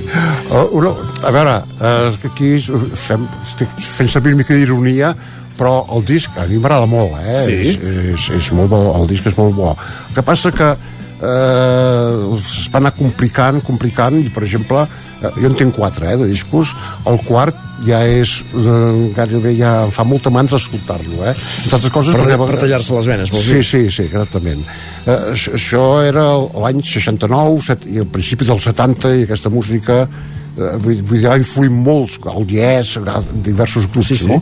Fins que l'any 76 van sortir els Ramones i van dir, tu, el rock és una cançó d'amor, d'un noi i una noia i de dos, que dura dos minuts amb guitarres elèctriques i, i, i, bueno, i va començar el punk no? que va Exacte. tornar una mica al, al, al temps dels Beatles diríem Uh, tinc entès que encara, encara volten els, el King Crimson bueno, és amb aquest nom però vull, uh, uh, en aquest grup hi ha hagut pot- potser 20, co- 20 components canvis, diferents no?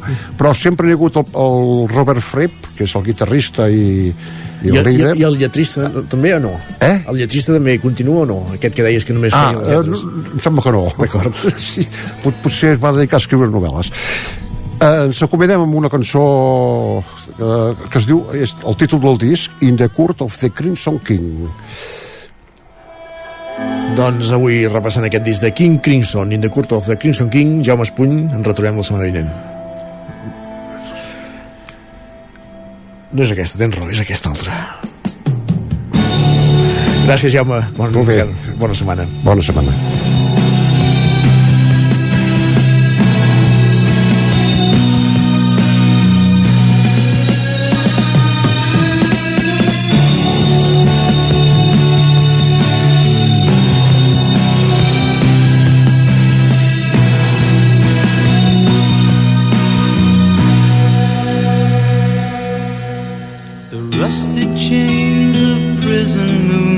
Are shattered by the sun. I walk a road, horizons change, the tournament's begun. The purple piper plays his tune, the choir softly sing. Three lullabies in an ancient tongue for the court of the crimson.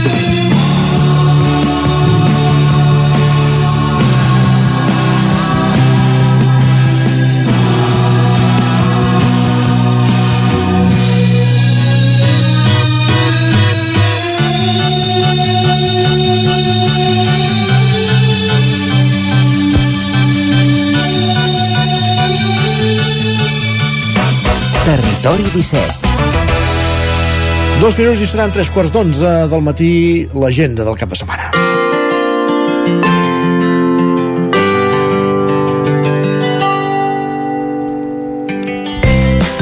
Una agenda que al Territori 17 fem en roda per les diferents emissores que dia a dia fan possible aquest programa. Comencem els estudis de Ràdio i Televisió Cardedeu. Enric Rubio, benvingut de nou. Gràcies per últim cop. Uh, avui tenim poqueta coseta. Vinga, va, Doncs va, comencem som. a repassar l'agenda de Cardedeu perquè cap de setmana. Avui divendres, i és que és un dia que anirà bastant ple, i és que avui de 9 a 1 i mitja, per tema estem a la meitat, a la Tèxtil Rase, jornada La meva vida, organitzada per Viver de Belllloc. De fet, els vam entrevistar aquí. I de 6 a 8, també a la Tèxtil, desenes jornades feministes, cosa que també hem tocat aquesta setmana aquí al Territori 17. De dos quarts de set a dos quarts de vuit, sessió de lectura de mot en mot, al Tarambana, lectures inclusives. I al mateix lloc, al Tarambana, però a les 7, presentació del llibre de la Gent Díaz, violència en tres actes. I encara no s'acaba el divendres, és que a les 8 i durant tot el cap de setmana al Cinema Esbarjo podreu veure la pel·lícula Sala de Professores, en versió original. Vinga, va, dissabte, de 9 a 2 al Mercadet de Cardedeu, a la plaça de Sant Corneli i pel centre de Cardedeu. De 12 a 1 al Tarambana, vermut literari amb la Gemma Meléndez i el seu nou llibre Una pedra a la butxaca i ja per acabar de dos quarts de set a dos quarts de vuit a Altarambana, concert Gospelizers a Corda Gospel, és a dir, ja ho veieu, cap de setmana ple, diumenge no tenim res a destacar, però avui i dissabte anem bastant plens, que tingueu molt bon cap de setmana i gràcies per tot, Isaac. Gràcies a tu, Enric, que ens retrobem dilluns. Bon cap de setmana. Fins dilluns. Roger Rams, tu també, abans de marxar de cap de setmana, eh, ens has de fer 5 cèntims de l'agenda de, de les teves contrades. On acudirem? Doncs vinga, va, som-hi. Si només hagués de fer 5 cèntims, tot seria diferent. Va, eh, comencem repassant, com dèiem, l'agenda d'actes. Comencem a Sant Feliu de Codines. Disculpa, on aquest dissabte s'hi celebra la segona edició de La Petita on Codines Trail, el repte esportiu i solidari contra el càncer en versió infantil. El tret de sortida serà a les 9 del matí, des de Sant Feliu de Codines, al centre cívic, mateix lloc on els participants d'entre 7 i 15 anys arribaran. L'objectiu d'aquesta prova doncs, és el de fer una activitat del tot inclusiva i recaptar fons per la lluita contra el càncer. Tot plegat és la prèvia de l'On Codines Trail, diguéssim, eh, versió adulta que es farà el 13 d'abril. Ja diumenge, encara a Sant Feliu, a dos quarts d'onze del matí, al camp de futbol municipal Francesc Garriga acollirà una nova matinal de futbol a peu. I finalment, en plana cultural, encara diumenge, us destaquem que en el marc del 41è concurs de teatre amateur, la companyia Els Carlins de Manresa interpretarà l'obra Somnis de Teatre a les 7 al Casal Codinenc. A Caldes de Montbui, el més destacat és que aquest diumenge hi tindrà lloc la Fira Forestocs amb els comerços locals i, d'altra banda, encara diumenge a dos quarts de vuit del vespre, la banda musical Nancy Whisky oferirà un concert solidari al Centre Ateneu Democràtic i Progressista a favor justament de l'Oncodines Trail. I és que la col·laboració entre aquesta banda i la prova s'allarga des de ja fa més de 3 anys. El preu de l'entrada serà de 12 euros, que anirà destinat, lògicament, a donatius per l'ON Codines. A Vigues i Riells del Fai, el més destacat serà diumenge, quan la companyia El Pot Petit oferirà l'espectacle de titelles a Lleó Vergonyós. D'altra banda, a Riells, eh, durant tot el matí, també diumenge, s'hi farà la Fira de Proximitat. I rematem l'agenda amb un apunt de la comarca del Moianès, on un dels actes més destacats del cap de setmana és la cursa de muntanya Salta Marrades, que arriba a la seva dotzena edició. Serà diumenge, durant el matí, a Santa Maria d'Oló i comptarà amb diverses modalitats i també distàncies. Doncs vinga, 5 cèntims guanyats. Gràcies, Roger. Bon cap de setmana. Que vagi molt bé. Bon cap de setmana a tothom. Va, fins dilluns. Isaac Muntades, la veu de Sant Joan. Repassem també la gent del Ripollès.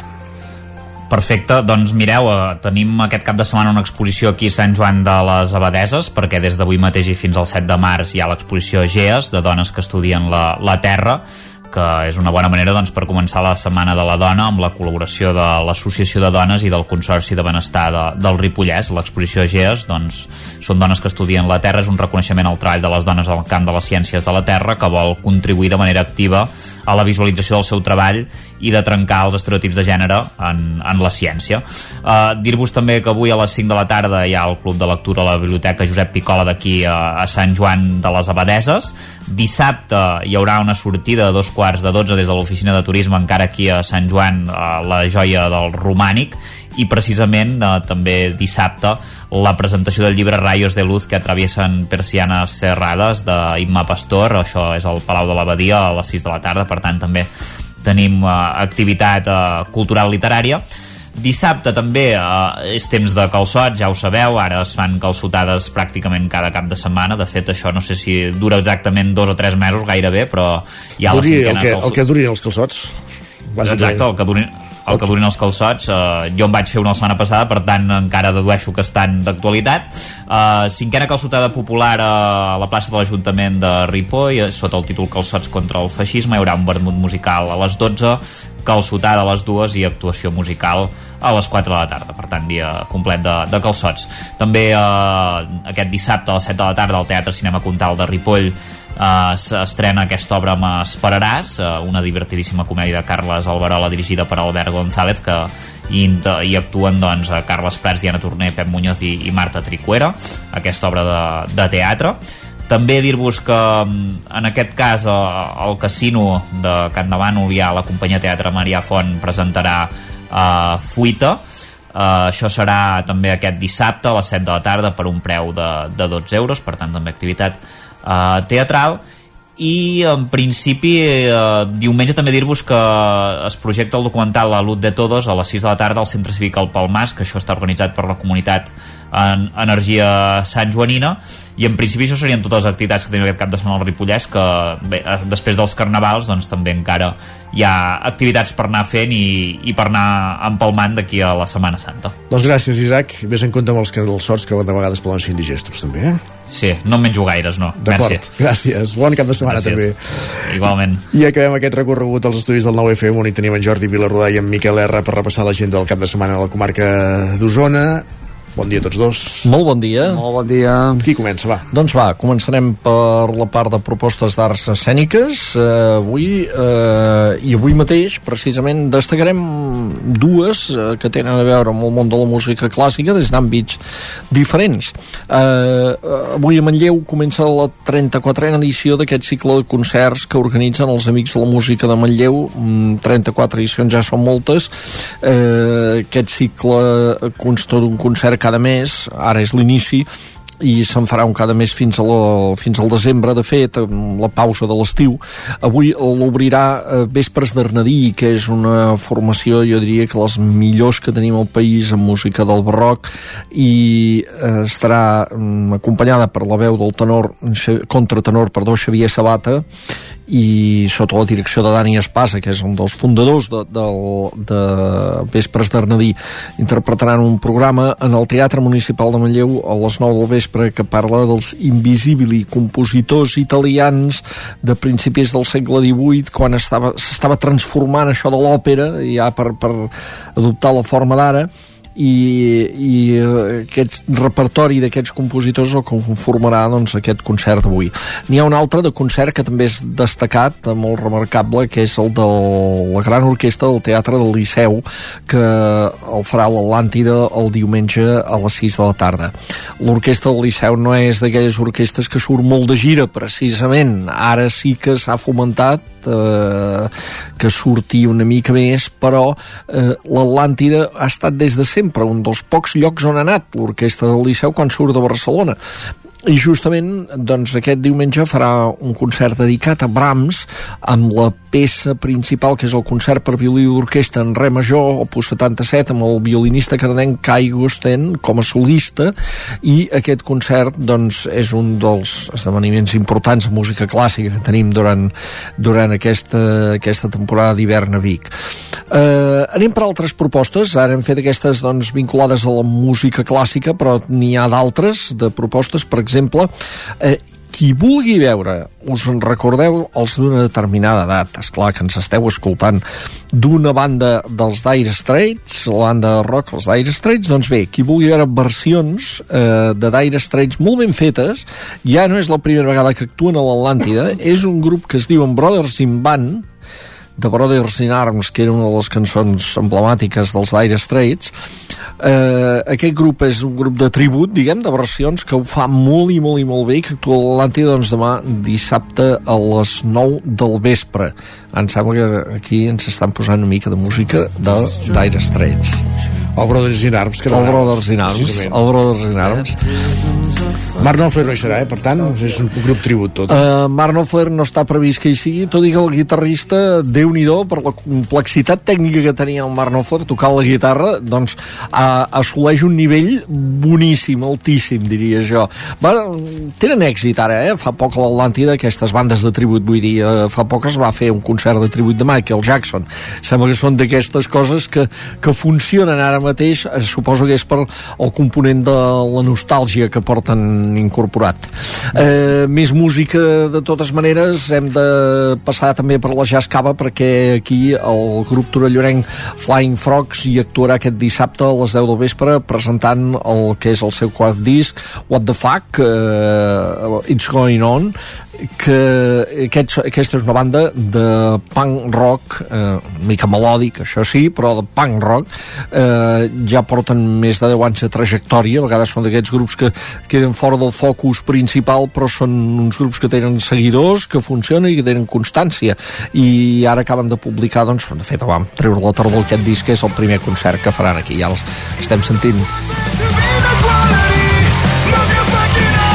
A la Cava, eh? A la Jazz Cava, a la Jazz Cava això, o sigui, a veure, ens hem d'imaginar la Jazz Cava, eh? A la Jazz Cava això és potència i, i si hi ha un, allò una mica de caliu humà, eh, diguem, pot ser d'aquests que, en fi, que aquests concerts intensos. Poden fer l'efecte tuneladora i ampliar una mica l'espai, també. per exemple. Uh, més propostes, tenim teatre també a Roda de Ter dintre la programació dels teatrets d'Osona, que hi tenim el conegudíssim actor Josep Julien aquest diumenge a les 6 de la tarda amb un monòleg que es diu La nit del peix kiwi, que és força divertit. És un personatge que es mira un peix, un peix que té allà una peixera, un peix kiwi d'aquests, i eh, es, es veu portat, és un actor, de fet, eh, representa que és un actor que està en un moment de la seva pruïda professional i personal, diguem, una mica xungo, i, i, i, i es fa aquesta mena de diàleg amb aquest peix. Eh, més coses, eh? De totes maneres, em sembla que també podem remarcar que hi ha un cicle de conferències interessant a l'esquerra de, de Roda.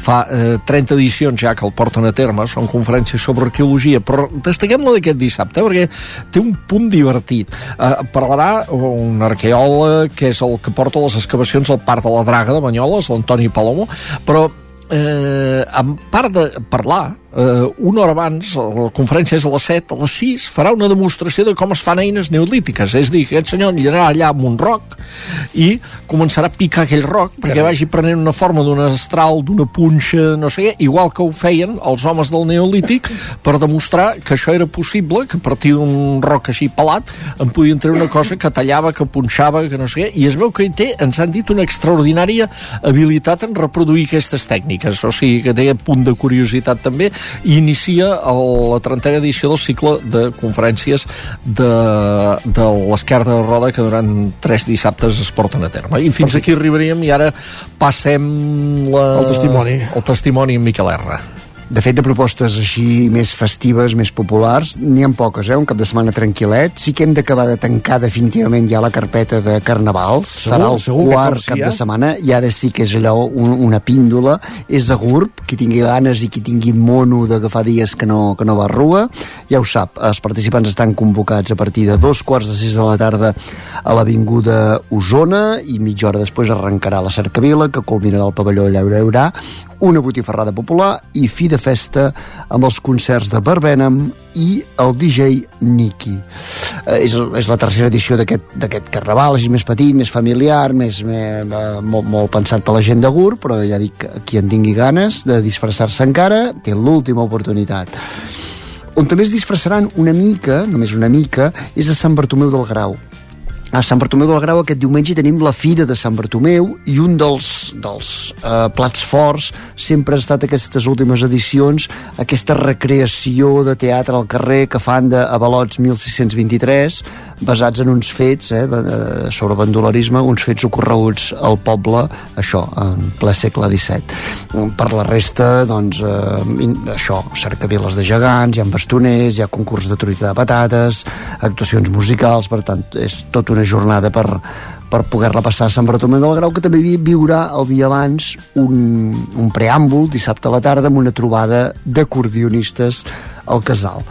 I finalment tancaria cap de setmana amb la- amb l'Associació Cultural Andalusa Torelló, que com és habitual ja són les 24enes jornades culturals que organitza en motiu del Dia d'Andalusia aquest cap de setmana a Torelló, amb una doble proposta. El dissabte a la tarda, a la tarda vespre, al Teatre Sirvianum, hi haurà totes les actuacions dels grups de cant i ball de la mateixa associació i amb l'Associació Cultural Mi Tierra i el Sur de Vic com a entitat convidada i diumenge al migdia la possibilitat de, de tastar al local de la mateixa entitat, al carrer de Roca Prevera, una degustació de plats típics d'Andalusia. Doncs vinga, uh, sempre és benvingut, eh? Sempre és benvingut tastar La teca, sí. la gastronomia i tastar gats, plats típics. Més enllà d'aquests dies de fer calçotades, doncs també podem anar a això, a provar una mica de cuina andalusa. Moltes gràcies, Miquel. Doncs bon cap de setmana. Bon cap de setmana, fins divendres. I nosaltres que pensem que acabem aquí al territori 17, us hem acompanyat des de les 9 del matí Víctor Palomar, Jordi Vilarrodà, Joan Garcia, Roger Rams, Isaac Montades, Enric Rubio, Pepa Costa, Guillem Freixa, Jaume Espull, Miquel R, Sergi Vives, Isaac Moreno. I tornem dilluns, a partir de les 9 del matí. Fins aleshores, gràcies per ser-hi. Molt bon cap de setmana a tothom.